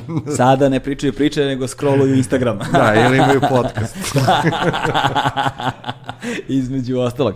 Ali o, realna opasnost tog posmatranja, da, dakle, mi sad imamo, to je sad ta raskrsnica generacijska, ok, klinti se rađaju sa tim osjećanjem tog problema kao svog, ali s druge strane, uh, narativi kojima smo okruženi vrlo jasno pokazuju kakve posledice mogu da budu ukoliko ti narativi dugo, dovoljno dugo opstaju. Jer pogledaj kakvi su naši klinci na ulicama. Znaš, vrlo su snašao se fazon. Ajde da upotrebimo eufemizam. Ali to je, kako kažem, to je u ovom slučaju, onako psihološki gledano, to adaptibilno ponašanje, adaptivno ponašanje. To je ponašanje koje je izazvano, znaš, kao i kratka kosa i brze patike, ti sad kao i kao u prirodi, ono, ti kao stvaraš mimikrijom opasniju sliku o sebi nego što jesi, znaš, Da, i da, onda da. kao odvrćaš potencijalnog agresora. Ti, ti svodiš u stvari funkcionisanje društva na jedan primitivniji nivo, da, Mm. da ti kao imaš tu ugroženost, odbranu, kako treba da se ponašam, kako treba da govorim. I neki, čak sam o tome isto tako radili, ovaj, gledao sam neke istraživanja koja su kod nas provedena i neke teorije socijalno-psihološke. Mi, e, u stvari, da se nasilje i ta agresivnost uči kao jezik. I da mi u stvari sad, e, kad imamo problem da razumemo recimo vršnjačko nasilje ili kao nasilje, pa su jednom su izgroženi, kao otkud ta divna deca sad po školi rade Da, to, da. da u stvari ti treba da razumeš da je to jedna vrsta kao i u svakom jeziku komunikacije koja ima svoje kodove, koje, i zna se tačno šta je, do koje mere uvreda, do koje mere reakcija, šta se od tebe očekuje da uradiš kad ti neko nešto kaže. Da, da, da, da. I mi prosto e, socijalizacijom kroz školu i vrtić učimo decu tom jeziku. Da, da, jeste. Znaš, ima, I ima, onda, evo, sad si u tome, kao, znaš, kao dve godine u vrtiću i onda kao tri godine ide ono čuveno kao, kako rekao, kao, kad, kad ti neko, kad ti neko nešto, neko kad te dira, ti njemu vrati. Onda mi ovaj stari sin rekao, pa ništa mu nisam uzeo, šta da mu vratim? znaš, znaš, i, o, i, to je kao... Da, ti, da. i, A to, to što je oto, to će vrati. i, i, i moramo, znači, znači ti, ti moraš da naučiš taj jezik. I to Da. da. klinci radi, to uče prosto da bi mogli da funkcionišu u tom okruženju. I Evo, ja sam živ dokaz, mislim, za samom sebi koliko godina sada sam proveo pokušavajući da se odučim od tih navika koje su mi bile neophodne da bi preživeo u taj traumatičan period odrastanja. Ali, kažem, taj jezik nije nov uopšte. Ne. Evo, baš ovdje imam, gledam tu kn- knjigu iza gore, Jovan Cvijić je pisao, ima to Balkansko polostro 1 i 2, i u Balkansko polostro 2 da se bavi tim kao mentalitetom naroda u određenim Jeste, po regijama, po regijama i to i onda je on putovao, ovaj, tražio je mesta gde je turski zulum bio najsnažniji jedno od mesta gde je najsnažniji turski zulum bio je bila okolina Prilepa.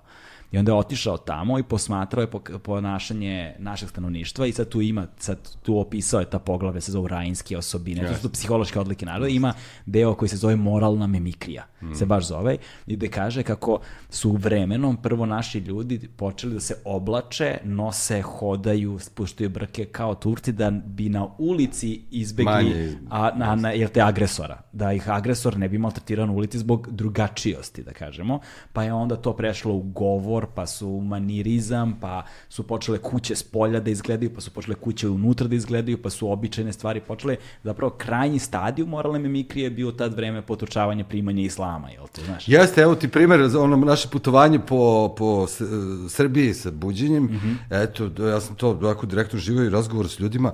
Kad odeš recimo na krajnji jug Srbije, ono Vranje recimo, koje do, do, do kraja Prvog svetskog rata bilo po Turcima, ono, mislim, dole su Turci najduže bili žene, nosile dimije, ono, posle Da, da, da, rata da. i tako Tamo ima dalje. tursko groblje. Jeste, i, ovaj, i onda kao u to vreme, baš znam da smo radili program i da je tad bila akt, aktualna ona afera sa onim nekim vladikom uh, Pahomijem, ja mislim. Ja, Pahomije. Koji je tu bio sa ono, nekim klincima, to optužen za pedofiliju i sve skupo izgledalo vrlo verodostojno svedočenje tih ono, mladih ljudi. To je gurnuto po tepih i tako dalje. I znam da smo znaš, na ulici videli tog čoveka. I sad razgovarao sam sa ljudima iz tu koji su bili s nama domaći i kažem, pa kako je to sad onda funkcionisalo? Kaže, pa ne, to kao neko vreme ljudi nisu išli u crku, posle jedno, ne, nekoliko meseci polako su se vratili. Prosto auto, taj autoritet je bio tako jak da su ljudi videvši da ni crkva ne reaguje, institucije ne reaguju, prihvatile to kao turski zulum. I onda mi je jedan od ovaj, ljudi tamo rekao, ovaj, onako sa nekom, to, ta priča o, o, o cvićevim, ono, različitim tipovima na Balkanskom porostu, rekao, znaš šta, mi smo u Vranju, ovde su ljudi trpili Turki do prvog svetskog rata. Da smo u Čačku, za jaja bi ga obesili. znači, eto, to ti je to, znaš, kao, ide, ideje nastaju gde, gde su To je, ustanke to digli, to znaš, to da. I njegov što E, je sišao s planine, drugačija priča bila. Jeste, jeste. Tako da, ono, eto, vidiš, malo ima i toga, ono, kao prosto to sad, pitanje, ono, znaš, kao, da li ćeš da se, da, na koji način ćeš da se, pa k- o, klinci danas rade jedno i drugo. Mislim, zavisno od procene, jel? Da. Da li ćeš da, da se uletiš u tu mimikriju, da se utopiš, I to je isto tako jedna od stvari koja je različita od, od našeg odrastanja, to je ono što je bilo meni, sad govorim za najveći broj ljudi, jel? Ovaj, uprkos činjenici da im je svet onako na, na dlanu i da možeš sad prosto da, da se upoznaš sa bilo, sad možeš da kažeš, ok, ja volim ono, zuk muziku ili kao mogu, i mogu da nađem ono prijatelji da razmenjujem, ne moram da kupujem ploče, mogu da izgledam kako god hoću, ali nikad nije možda bila veća uniformisanost. To je globalni trend. Dakle, ta globalizacija ih je dovela do toga da sad su sve počeli da izgledaju isto i da je mnogo veći pritisak, naročito na devojčice u tom uzrastu, ono kao tinejdžerskom, da se uklope u taj kao stereotip i da ne štrčiš. Da, I, da. I on ti, i, ovaj, to vidiš i kod dečaka, ono, patike, frizura, trenerka, kako izgledaju, devojčice isto kako izgledaju. I, I sad je to jedan paradoks te globalizacije. Kada ti je dostupno sve, i da možeš da napraviš ono da ispleteš kikice kao da si sad ono ili u, na krajnjem istoku planete ili u Africi, možda da se igraš, da radiš šta god želiš, ti u stvari imaš veći stepen, kod nas je bila fora da se razlikuješ, ono kao da nečim kao istakneš tu svoju eventualnu okviru sob kulture. Mm. Pa kao nosim bedževe i to kao moja priča, ne. ta priča isto kao punk priča, ali ovaj, a sad ovaj imaš tu kao neku vrstu, e, to, to, to takođe ovaj, I roditelji to podhranju, kao ti, oni, oni te guraju da ti u stvari danas Da, da. da, da, da liče. Kaže, u silnoj potrebi da se razlikujemo smo se uniformisali. Jeste, Znaš, to je. Ali to za devojčice je vrlo, vrlo zanimljivo što si, što si pomenuo da je njih, o, izvr- na, najveći pritisak je zapravo na njima, i ali posebno na mladima, koliko pominjali smo negde dobre strane tih društvenih mreža, a pominjemo i one, one loše, sad da ne pričamo o njima, što mislim da su postale već opšta mesta, ono kako nas algoritam kontroliše, bla, bla, bla. Ali postoji aspekt mentalnog zdravlja u formiranju mladih, ono, kroz društvene mreže, jer se sada pojavio prvi put u istoriji civilizacije nekakav socijalni kapital, ovaj, koji, se, koji se formira kroz lajkove, kroz šerove, kroz A dobro, ti broj se, followersa. ti bi se dosta bavio u poslednjih godinu dana, jer kao ta priča o medijskoj pismenosti i mentalnom zdravlju, to sam takođe radio sad te kafe sa psihologom u Dorču placu, pa su ljudi dolazili, razgovarali smo na različite teme, tu su bili stručnjaci, kao, što se tiče ove, ove priče oko digitalne pismenosti ovaj, i, i to je bilo nekako po uzrastima raspoređeno od druge godine života, kad se prvi put dece dolazi u dodir sa mobilnim telefonima ili nekim uređajem, Ovaj, do druge godine baš ne savjetuje ništa, kao sad i, i, bilo bi dobro što duže da izdržite bez ono Bez, mobila. da izdržite ništa. Da.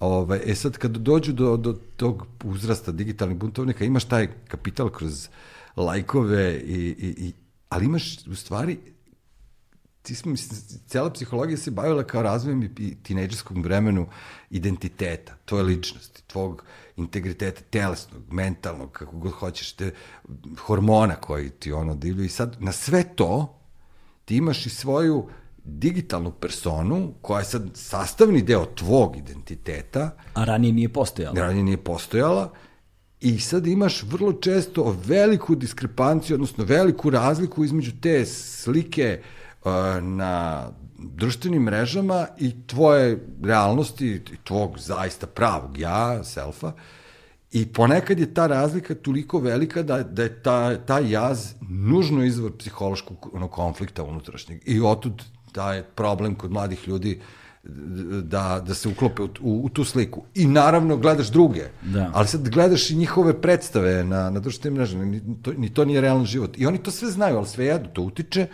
i onda ovaj, i ta priča o, mislim, ali s druge strane ima tu i nekih dobrih stvari. Da. Mislim, ja nisam ono, jedan od roditelja kao crno-belih, ono to kao, to je sve glupost. Vidao sam ja tu i neke prednosti, objašnjavali su mi. E, upoznavanje se drastično skraćuje. Da, da, da, da, da. Ti recimo nekad kad si vidio lepu devojku koja ti se dopadne, ono, 80-ih, 90-ih, kao, ono, čekaj, čekaj, stani, de, koju školu ide, gde izlazi, kao, koju muziku sluša. To sad kao Kako možda... da saznaš, da. To možda završiš za dva minuta, je li tako? Da, da. Ako Ni još saznaš toliko. ima ni toliko. Dva minuta ako si tehnološki nepismen. da, da, tako. Ako si u moj, ono, moj level, ono, kao, ja sam ono kao... Ako telefon držiš jednom rukom, ali Jeste, listaš ekran e, drugom. Tako ono, je, da. tako je. Znači, prepoznao sam se. E, znači, trebalo bi mi ono dobra dva minuta da nađeš kao... I onda, to, i možda pošliš poruku. I kao, i to, mislim, to je dobro. Znači, komunikacija je olakšana. Imaš neko oruđe. Sad, da, kako ćeš ti da potrebiš, da ćeš stokuješ, maltretiraš, ne znam, ili provodiš dani i noći Da. ovaj, Ali postoji još jedna kategorija toga, zato što sad na ti na društvenim mrežama imaš ono, imaš neku profilnu fotografiju, imaš nekakvo ime koje može i ne mora da bude stvarno, fotografija može i ne mora da bude, može da bude kontekst, ne mora da ima nikakav kontekst, može da bude čist shit posting, kako oni to zovu. Dakle, i sad šalju se nekakve poruke, nekakvi signali, koji mogu da budu smisleni, tendenciozni ili apsolutno ne, koje mogu se dešavaju različito vreme, u različitim stanjima, što znači da ne komuniciraju ni kroz vremenski meridijan i prostor na isti način, što znači da neko je možda uveče depresivan poslo poruku koju ti čitaš ujutru raspoložen. Pa, znaš, i, i primanje te poruke znači šta, šta, šta, je, šta od informacija dobiješ na koji Nemaš način kontekst, imaš- najčešće kontekst. nemaš kontekst. I onda se dešavaju ti fragmentirani odnosi, kroz te fragmentirane odnose, a nemamo nikakvu istoriju toga na osnovu ko, da bismo imali iskustvo na osnovu koji bismo učili i onda imaš ceo jedan fragmentiran odnos stvaranja tvog identiteta online koji se proživa, proživa u svakodnevni život ovaj, u kojem ti moraš da stekneš osobine i veštine koje ranije ljudska bića nisu posjedovala da bi naučio da plivaš u svemu tome. To je sad jedan ubrzani proces evolucije u kojem će, koji će odneti mnogo žrtava i većih odnosi u velikoj meri ovaj, da bismo naučili da se formiramo kao ličnosti sad nečemu što neće Pa nestati. to je, tako se i tumači ovo ve- kalupljivanje o kome smo govorili, Da. jer, znaš kako, prirodna potreba ljudskog uma je da stvari osmisli i da ih stavi u neki kontekst. I pošto ti recimo, rec, recimo, o nekoj osobi koju, koju želiš sad da upoznaš, ti vidiš te fragmente, kako si rekao, dobro, stvarnosti ili to konstruisane stvarnosti na njenom digitalnom ono, appearance ili nekom profilu i ti sad e, imaš potrebu da to kao složiš u jedan koherentan sistem i sad zamisli koliko ti tu proje, projektuješ. Da, da. Znaš, to više nema veze s realnošću, s tom osobom, mi smo, mi smo je konstruisali. Ono što rade društvene mreže, to je što ti nude takođe paterne. Znači da ti ne moraš ni uložiš ni taj napor da ti osmisliš, nego ti oni kao već daju kategoriju. I ti koristiš, znači, to, to je takođe jedna osobina naše psihe da mi vrlo lako ko- to, te kategorije, etikete ili e, vrlo lako usvajamo zbog toga kao što si ranije govorio, ma da, to ti, on ti je onaj punker, znaš. Da. Ili on ti ovo, ili ti on, znaš, e, sad ovo, to ti je emo, pa sa ne znam kojim delom još, koji- iz, iz, Da. ne, ali, ali on ti je kao, on ti je emo iz 2008. Znaš, kao, kao, ali kao nije to aktualno. Emo je bio za vreme I mi- MySpace-a. I mi sad, ti, ti, ti, tebi se, Realno. tako je, tebi se nude što više ti se nudi šablone da bi ti mogao da osmisliš to, jer realno kako ne, to kao ti misliš da nekog poznaješ na- detaljnim praćenjem njegovog profila unazad godinu dana, u stvari ti samo pokušavaš da osmisliš te fragmente Ali vidiš, to stvarnosti. su nove iluzije Jeste. u kojima oni žive, a koje mo... na, e sada, problem je, problem je, problem je u tome što postoji tu sad taj sistem nagrade takođe.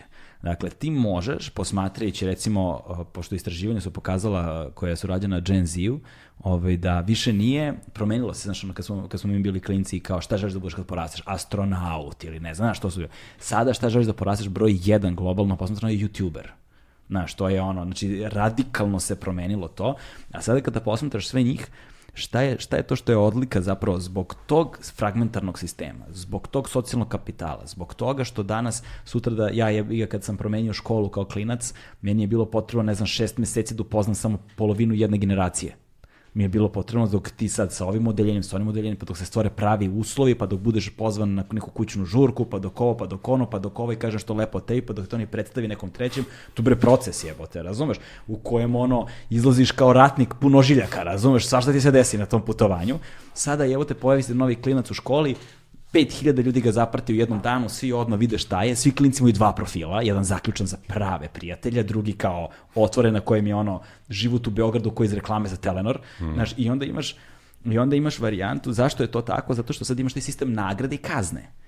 Znači, posmatrajući recimo youtuber ove ili one, uspeh može da se desi preko noći, kao lutrija, ali rizik za do, do posljednje tog uspeha je ogroman. Isto tako možeš strahovito se izblamiraš preko noći, u sekundi. Ono što je bio blam koji smo doživjeli nekoliko drugara, ja u trećem razredu osnovne škole, danas kad se nađemo, pijemo pivo i prisjećamo se toga u smeh, kao anegdotu, je nešto što danas klincima, ako se desi svim mobilnim telefonima, snime, okače na društvene mreže i upropaste ti život. Ja, za ceo život. Za ceo život. Tako da... ti I to možeš- je, mislim, osnovno osjećanje, osjećanje straha od blama. To je, Tako je. To je inače, kao to sam primetio, da je, da je, da je to je ono kao najgore što može da se desi i to je realno, opravdani strah. I onda, i, onda, I onda u tom svetu u kojem su mogućnosti na izgleda neograničene, strah od neuspeha je mnogo veći. I klinci se mnogo više opredeljuju da budu vojeri, umesto da aktivno učestvuju. I zato takvi neki likovi na YouTube-u i ovamo i namo dobijaju na popularnosti. Zato što oni kroz svoje osobine, to kurčenje ili šta god daje, pokazuju upravo ono čega se oni najviše plaše, ono što im najviše nedostaje. To je sada postala ultimativna vrlina nemati strah od javne Jeste, osude. Da, da, da. Znaš, to, To, je... pokazuješ hrabrost pred kao nekim ovaj pred društvenom osudom to. Da. Ali mislim e, Kurčenje je postalo socijalni kapital. Da, da, da, jeste. Dobro nekada, rekao, nekada, znaš. nekada je bilo rezervisano za kriminalce i za repere. Jeste, jeste, sad imaš to kao. Ali, mislim, ja isto tako sam video da one suštinske odnose i dalje, bez obzira na broj prijatelja, kao kad se pravi neke, neke istraživanja ovde u Srbiji, nema ih mnogo, o, da se broj najbližih prijatelja dalje broji ono na prste jedne ruke u Srbiji, da su to ljudi koji ste upoznali u vrtiću ili u osnovnoj školi i ta prijateljstva obično najduže traju i da, da se ona dosta razlikuju od onog broja prijatelja koji imaš na, na društvenim mrežama koji se nekad mere ono stotinama ili hiljadama, ali kao znaju i oni znaju klinci ko, ko su stvarno ono, da, ti prijatelji, to ostaje, to je samo ta činjenica da imaš dva profila, da. pa da imaš, ti znaš da ono s kim ćeš Na kraju da pričaš. danas smo ipak ljudi. Jeste, jeste. Znaš. I da nam je potrebna ta kao, mm. ovaj, Da je potrebno taj blizak kontakt, jeste? Da, jeste. A, ovaj, nego da skrenemo malo s teme, a, da privodimo polako razgovor kraju. O, pa ja sve čekam kada ćeš da me najuriš.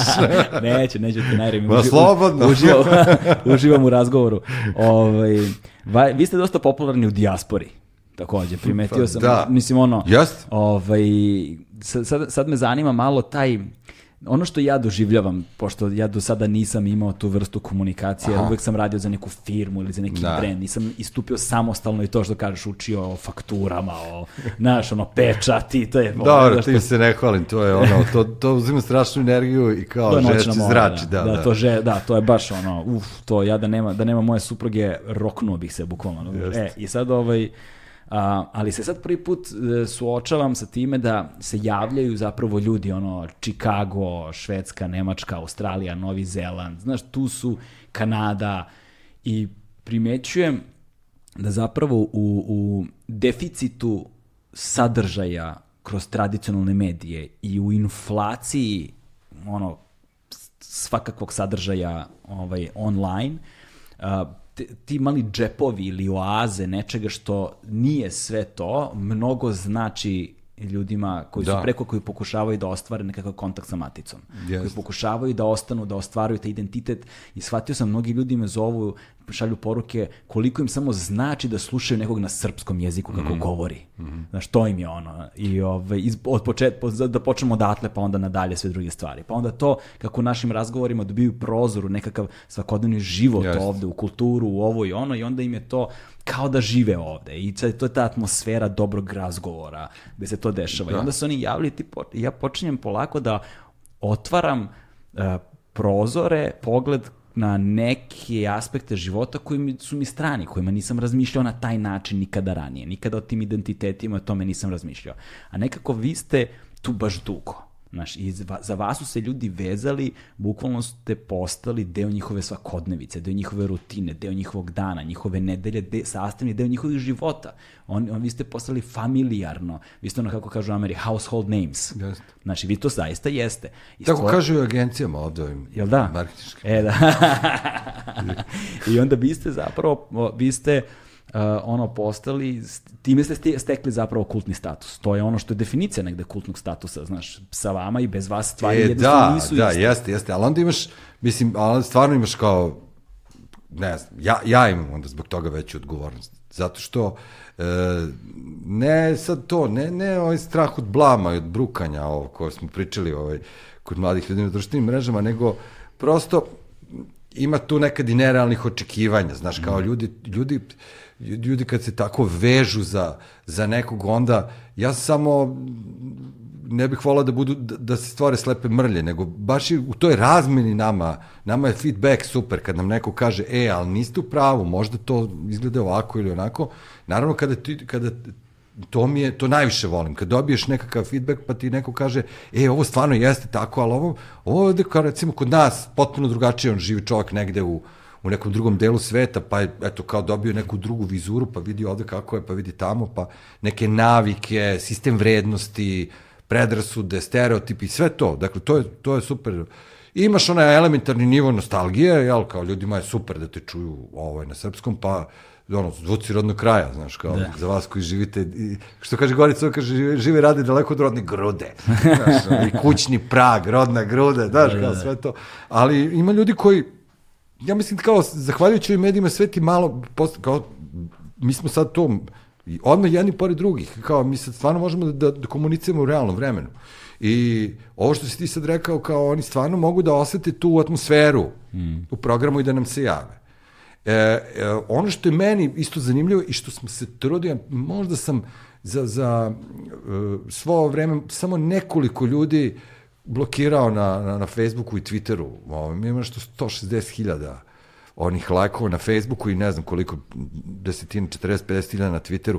I stvarno nemam, p- prosto drugi ljudi onda uđu u polemiku s njim. Ja ne bih volao nikom da zabranjujem i da to je ono poslednje što možeš da radiš. A, jer e, samo sam testirao nekoliko puta, i Gorica ja, ovaj, taj, kako god radio, imaćeš jedno ne znam, između 5 i 10 procenata ovaj, ljudi koji mrze, ono, koji, koji, kojima si ti tu, čak sam i te ljude razumeo, zato što kada govoriš o onoj nagomilanoj frustraciji, Da. onda smo mi valjda oni što im prvi nalete ujutru u šest.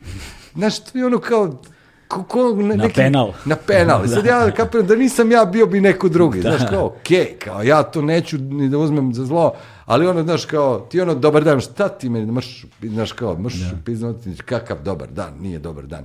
I, ali stvarno vidiš Kako da kažu, ono, kako kažu za vesti. Vesti su ono, kažu ti dobar dan i onda ti narednih pola sata objašnjavaju zašto to nije. da, da, jasno. I, i ovaj, onda se također razmišlja to isto, da li ima neki ono hate free sadržaj, kao na to što možeš da staviš. Pa kao, i, i to je isto zanimljivo. Jedan procent ljudi stvarno je do te mere ispunjen tim jedan. To stvarno, to je čak i komično delo to što smo pričali, to mrziš autoputa, ali kao imaš stvarno, ja sam kao, mi znamo, imaš i sezonske hejtove. Sad će hejt, recimo, ono, Banjak, uh, uh, Banjak, Jelka da, da, da, da. Pa prirodna veštačka, pa onda ide eh, sezonski hejt Deda Mraz, Sveti Nikola, Božić, Bata, šta već. da. Sveti Pa Trifun, onda- dan zaljubljenih. Tako je, 8. mart, jebao vas ti to i kao komunjare jedne, 1. maj isto tako. I imaš te kao sezonske hejtove, redovne, I onda imaš, ja sam pokušavao da nađem kao, pa, kao, pa sam nešto razmišljao psihološki, aj kao, šta bi mogao da bude nekakav ono, aj pa se stavi sliku meseca, kao. I sad kaže, i onda kao, dobiješ neki kao pun mesec, ono, pa kao neka lepa neka slika tu, dobili smo od nekog slušalaca tog ujutru, slikaju ljudi ujutru i put, i maglu, i sve živo. I sad onda kao vidiš komentar kao, ne znam, kao, i, i, jebao vas polu mesec balije. Znaš, kao, ja kao, čekaj, fali mu, A, stavio si mlad fali mesec. mu malo, znaš, nije ceo, kao. Ili, aj, kaž, kažem onda sledeći put, aj, sledeći eksperiment, mislim da sam stavio ženu sa bebom, onako gotovo ono kao Madonna sa, Da, da. koja to doji bebu, ne znam, ne, nešto što stvarno mo- možeš kažeš onako baš, ono, antropološki teško da može nekom, pa da, naravno, šta je, kao, šta, izvadila si su doji dete. Razumeš, kao i ovde kad neka žena doji dete u javnosti, pa to bude tema, odmah se pojavi hejt. Znači, ne postoji u Srbiji hate free sadržaj, možeš da se pomiriš tim da kao jedan procenat ljudi, ali onda, eto, kao, i to je, i radio neka vrsta terapije, znaš, Znaš. kao, prosto, Ja, mene, zan, mene zanima da li postoji video na YouTube-u koji nema dislajkova. Pa da, to je to. Ja mislim da ne postoji. Sigurno. sam da Apsolutno ne postoji. Mislim da Ne, ne, ne, ne znam, to, to je sad ono ko zadatak, ko što prave oni, taj moj drug dizajner u Londonu je pričao kako, kako je pravio dizajn za cigare da budu odbojne. Pa su istraživanja pravili kao koja je, ima ona jedna maslinasto brownkasto zelena je kao najodvratnija boja, najmanje ljudi kao tu boju, pa su sve cigare bile pakovane u tu boju, pa font koji je najodvratniji, kao, pazi, e sad tako, da kada nađeš nešto što je najneutralnije, siguran sam da bi se našao majstor koji je, to je projekcija, mislim, on vidi tu nešto što ti ne vidiš, no, to. To je to, to, to. Znaš, da li, da li što Nole ne plaća porez u Srbiji, znaš što, ono, znači uvek, ne, uvek je, uvek je nešto, znaš, uvek je, uvek je nešto, to sam ja provalio, koju god epizodu da sam okačio, i evo te neko nešto, šta si doveo ovog, dovedeš čoveka koji je, ne znam, 47 puta bio u masivu Himalaja, taj se nije popeo nikad na Everest, A, laže. znaš, dovedeš, laže, laže, znaš, ono, dovedeš, dižeš, šta, ovo je sranje muzika, što niste Da. pravu muziku, i I da, uvek- ima, ima još jedna tema koja e, za radio, to smo naučili težim putem, ali to je govorit, ono kao, ne, povremeno kao otvorimo tu raspravu oko toga raspravu, kao priču, komunikaciju, to je ono, e, k- kao u onom uh, skeču Monty Python, ono, ko, ko najmanje zarađuje, ko je najbedniji u Srbiji. I ti skapiraš da ono, kao u onom skeču, mi, mi nismo imali ni šljunak, mi smo živjeli u kutiji, mi smo živjeli u kutiji, davali smo pare onom gazdi, mi nismo ima, vi ste imali vodu, u, mi nismo imali ni vodu i tako. Znaš, e, tako ovde i u Srbiji ta, ta, e, a kad se ubaciš u taj kuknjeva mod, taj ono na- narikački, u kojem se vrlo lako ljudi prepuste. Da, da. Jer to je jedno od važnih opravdanja za naše, recimo našu inerciju. Naravno da ljudi žive teško i naravno da, Inertnost, ali verujte, koliko god da kažete da vam je te, teško, kaže, ček, ček, šta se ovo, šta ovaj priča, kaže, ja šaljem vam poruke s mobilnog, otkud mu pare za, za kredit, ono, za, za mobil. Da, da, da. ja nemam ni to. Da, da, da. Kao, da. To je isto kao kad vide izbeglice, kakve su mi to izbeglice, imaju smartfonove. Da, da, da. Jebe mu mater, brate, onog... Nisi ti druže gladan, ono, kao, to, to. Nisi ti druže. Je. Da, da, to. Da li je moguće, znaš, da živimo Tako da, povremeno kao iščekiramo samo ono, znaš, ko da li je ladna voda, eto vidiš samo, e, ali to onda, to je jasno da to su te neke naše, ono, kao, ovaj, ta kuknjava, ono, i shvatiš da to nigde ne vodi, da, da samo ti kao spiralno vodi niže, niže, niže, e, ljudi su s tim zaz- zazali već pre 30 godina, A ono, da, da, da, tako da ništa od svega ovoga nije novo, samo nam je ta tehnološka dostupnost i globalna povezanost zaoštrila i prikazala sada u svom najekstremnijem dosadašnjem obliku, ono, jer se život ubrzao neviđeno, znači ta, ako bismo imali neku krivulju kako izgleda ubrzanje vr, ono, infor, toka informacija i promena u društvu i industrijskih promena i svega, to bi izgledalo ono ovako. Tako da, evo, i ovim putem odmah se obraćam svim ovim koji su, recimo, bilo kojim povodom imali želju da ostave ovaj, te komentare, bilo da smo ovaj, to, dobijamo pare što, kao... Od Soroša. Od, to, od vakcina, ovih što prave, od... Ne znam više od koga sve nismo dobili pare. Povremeno sad kad Gorica radi od kuće, pa je pozovem, kažem, Gorica, jel ti stigo SMS, ono, jel ti legla uplata? Pošto, ono, ne znam, ono kao, satanini sinovi, krijete istinu od ljudi, kao, znaš, ono, dobijate pare za promovišite vakcinaciju. Ne znam ja više šta može da bude. Samo udrite, mislim, to je deo ovog posla, znaš, prosto. I deo posla, ali kažem, i bilo bi neobično da nema. Da, da, da, da, to bi bio definitivno znak da nešto ne radiš kako treba. Što bi rekao Rundak na jednom koncertu 80-ih, ovaj, bacila mu obožavateljka ružu, znaš, a on ovako uzeo kao, pa to naravno što bi, on je bio to, što bi rekla Gorica, ružnjikav muškarac s tajnom, velika seksualna ono, o, inspiracija, o, iz 80-ih, ono kao uzme i kaže, a ona tako da ga ne ubode, ona sve polomila trnje, ono, znaš, da on, kad lepo dobije tu njenu ružu koju mu ona baci, on kaže, jebeš ružu bez trnja, i kao baci nazad, znaš, kao šta je ovo, nema trnja. Kao, Kao, tako ti znači, sa radijskim programom. A ona se, a ona se potrudila. Stvorila se. E, hvala ti puno Hvala tebi. ovaj, što si došao kod nas, što si bio naš gost. Veliko mi je zadovoljstvo. Tolike godine te pratim, slušam, volim. Danas slušao sam te jutros i sad sam razgovarao s tobom i sve vreme slušalicama i to je jedno... Ja vrlo- moram da kažem da si ti isto tako, tako bio jedno vreme prisutan ovaj, e, i u našem programu, sad ono, ne uzvrćam ljubaznost nego govorim, ali to je za mene bilo nešto fenomenalno. Ne znam, bio je ono kao spisak, sigurno si se sreo s tim, ono kao 20, ono, how to start a fight na slavi, ono. Da, da, da, da, da, da. I sad bilo je ono kao domaćica, jel ste ovo kupili ove kao vanilice, jel, jel ste vi pravili i tako dalje, ali kao imaš i ono, pa nije loš ovaj Vučić napravi autoput, recimo Da, to, da, da. kao to je uvodna replika na koju možeš da, i onda kao, ja, meni se dopalo što na četvrvom petom se bilo sve, se, kaže, E, al Galeb, koji je on car, koji je on novinar, on je profi, totalno hit, kaže, ako se niko ne primi, ono daš da krene, ono kontra razgovor. I onda kao, a brate, onaj Galeb je stvarno vrh novinar, kao, znaš, e, to, To je ti je to, ko Vučićev počinjemo auto. sukob na slavi, brate. Odmah kreće fajt. I nismo se posvađali, sve okej. Sve je okej, dobro je, nema fajta, iako, iako sto liči malo na slavski. Hvala ti puno još Hvala jednom, tebi. stigli smo do samog kraja, to je to, hvala vam puno svima koji nas slušate, pratite, koji nas pratite na podcast platformama na YouTube, ukoliko želite nas podržite, možete to uraditi preko Paypala, mesečnim pretplatama preko Patreona, linkovi su u opisu podcasta, stigli smo do kraja, to je to, hvala, ćao.